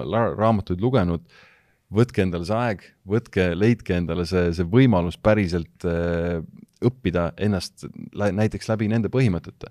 Ja mulle meeldib mõnes mõttes nende põhimõtete lihtsus ja universaalsus, sest nad ei lähe vastuollu mingite teistega, ma ei ole veel leidnud ühtegi, mis ütleks, et mm -hmm. ei, näed, vastutuse võtmine on halb, et see ei vii mitte kuhugi. noh, jah, mingi näitega võib seda arutada, aga, ja me ka koolitus, koolitustel teeme alati, et noh, öelge, et mis, öelge mulle üks koht, kus mina ei ole süüdi või ma ei saa vastutust võtta. noh, koroona tuli, no tõesti, ma koroonat võib-olla takistada ei oleks suutnud, aga see ei olegi tähtis, olukord juba tuleb, elu tuleb nagunii, elu muutub nagunii ja elu toob niisuguseid äh, raskeid hetki, aga tähtis on nüüd see, mida ma selles hetkes teen mm. -hmm. seda asja ma ära hoida ei saa ja ega see vastutuse võtmine ei tähenda, et mul ei juhtu mitte midagi enam. et mul probleeme ei tule ette, tuleb ikka. aga nüüd on oluline see, kuidas ma selles hetkes käitun, kas ma suudan toetada ikka oma meeskonda, kas ma suudan jääda lihtsaks oma, oma kommunikatsioonis, oma eesmärkides, kas ma suudan teha õiget asja, ehk siis prioritiseerida, ja kas ma suudan kasutada hajutatud juhtimist. ja läbi nende võtete ma tegelikult saan edukaks. kuulge mehed, me võiks tunde rääkida sel teemal ja võib-olla me teemegi veel mõne episoodi, mine tea, on ju mm. aga ma küsiks siia lõppu teie käest, et mis on see, mida te tahaksite kuulajatele, vaatajatele nagu mõtteaineks jätta, mõni sihuke äge killuke küsimus, võib-olla mõnisugune harjutus või ülesanne, mis annaks ka inimestele selle nii-öelda edasise tegevuse jaoks mingisugust mõtteainest? no ma ütleks ikka põhiline väljakutse igas päevas, et kui midagi läheb nii, nagu ma ei tahtnud, siis keskenduge sellele kõigepealt, mida mina tegin valesti. ja see süüdi on halb sõna, süüdi on nagu, et kas ma olen süüdi. Eesti keeles noh, süüdi kohe tähendab kuidagi, et äh, niisugune nagu halba. karistamist. jah, täpselt, et mm -hmm. see ei pea olema üldse, kas, mida mina oleksin saanud teha teistmoodi. ja see vastutuse võtmine ongi tegelikult see, et, et ma vaatan läbi enda, enda seisukoha seda ehk siis nii-öelda väljakutse võib-olla siis, et äh, proovige päriselt kas või üks nädal, võtke kontsentreeritult, keskenduge, kui läheb mingi asi nii, nagu ma ei tahtnud, ma jäin tööle hiljaks või ma ei tea, ma jäin, laps ei jõudnud õigeks ajaks kooli või trenni või lasteaeda või, või kuskil mingi projektiga juhtus midagi, tavaliselt on need ajalised viited, mis ikka tekivad, mingid noh, mida ma oleksin saanud teada, teha teistmoodi. Ja mida ma teen? Ja siis tuleb see lubadus seal ka anda, mida ma päriselt teen nüüd järgmine kord teistmoodi? Mm.. ja kui te selle väikse tsükli ära teete, et ma, ma tuvastan, ma tunnistan seda, mida ma oleks saanud teha, ma kas teen kohe, muudan midagi, kui saab, eks ju, tavaliselt enam ma muuta ei saa, aga ma pean muutma protsessis. ehk siis viige see sisse, on see kvaliteedijuhtimine, see juurpõhjuse otsimine, eks ju. ja kui ma päriselt saan sellest aru ja iseendale luban ja luba, otsige endale see, kellel te lubate seda, siis on alati, alati mõjusam, eks ju, et mul on keegi, kellele ma luban seda ja te näete tegelikult, et need väiksed sammud, niimoodi ma saan edukaks, siis noh, neid saab järjest rakendada suurematel probleemidel ja, ja järjest suuremaks minna ja, ja juhina lõpuks ükskõik, mis idee või, või, või mis ettevõte teil on või mis asja te teha tahate, teie edukus sõltub juhtimisest. juhtimisoskus on kõige tähtsam oskus minu silmis. kusjuures me üritame seda saada gümnaasiumi valikainete konteksti mm. Et äh, eks paistab järgmise aasta algusest äkki juba. Äh, et tõesti, võimalikult, ma ise olen aru saanud, et mida varem ma sellega kokku puutusin, seda parem tegelikult.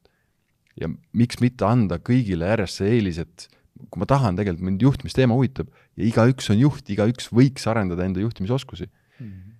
ja ma usun, et see, see on miski, mis päriselt saaks nagu maailma muuta ja, ja läbi mille me päriselt suudame saada edukaks. väga äge. Remo, on sul ka mõned mõtted võib-olla? Jaa, kindlasti on mm. ma ei kahtle äh,. mis on põhiline, mis siit kaasa võtta, ma arvan, on see, minu jaoks on see, et ja ma soovitan ka teistele, on see, et äh, rohkemate inimestega ja hea meeskonnaga on võimalik saavutada rohkem kui üksinda. ja kõige tähtsam selle asja juures on see, mismoodi sa suhtud teistesse mm. -hmm. ehk siis suhted äh, ja hinnake inimesi, kes on ümber teie et äh, tegelikult äh, mitte ainult juhina, vaid ka inimesena võiks olla niisugune default on see, et ma ei ole kõige targem. ja mul on alati kellegi käest midagi õppida. et kui ma olen ruumis, kus on kümme inimest ja ma olen üksinda seal kolmkümmend kolm aastat vana ja ma arvan, et ma olen kõige targem, siis mulle meeldib mõelda seda, et äh, siin on mingisugune kahesaja aasta jagu mõtteid ja ma tahan öelda, et ma olen kõige targem siin olukorras.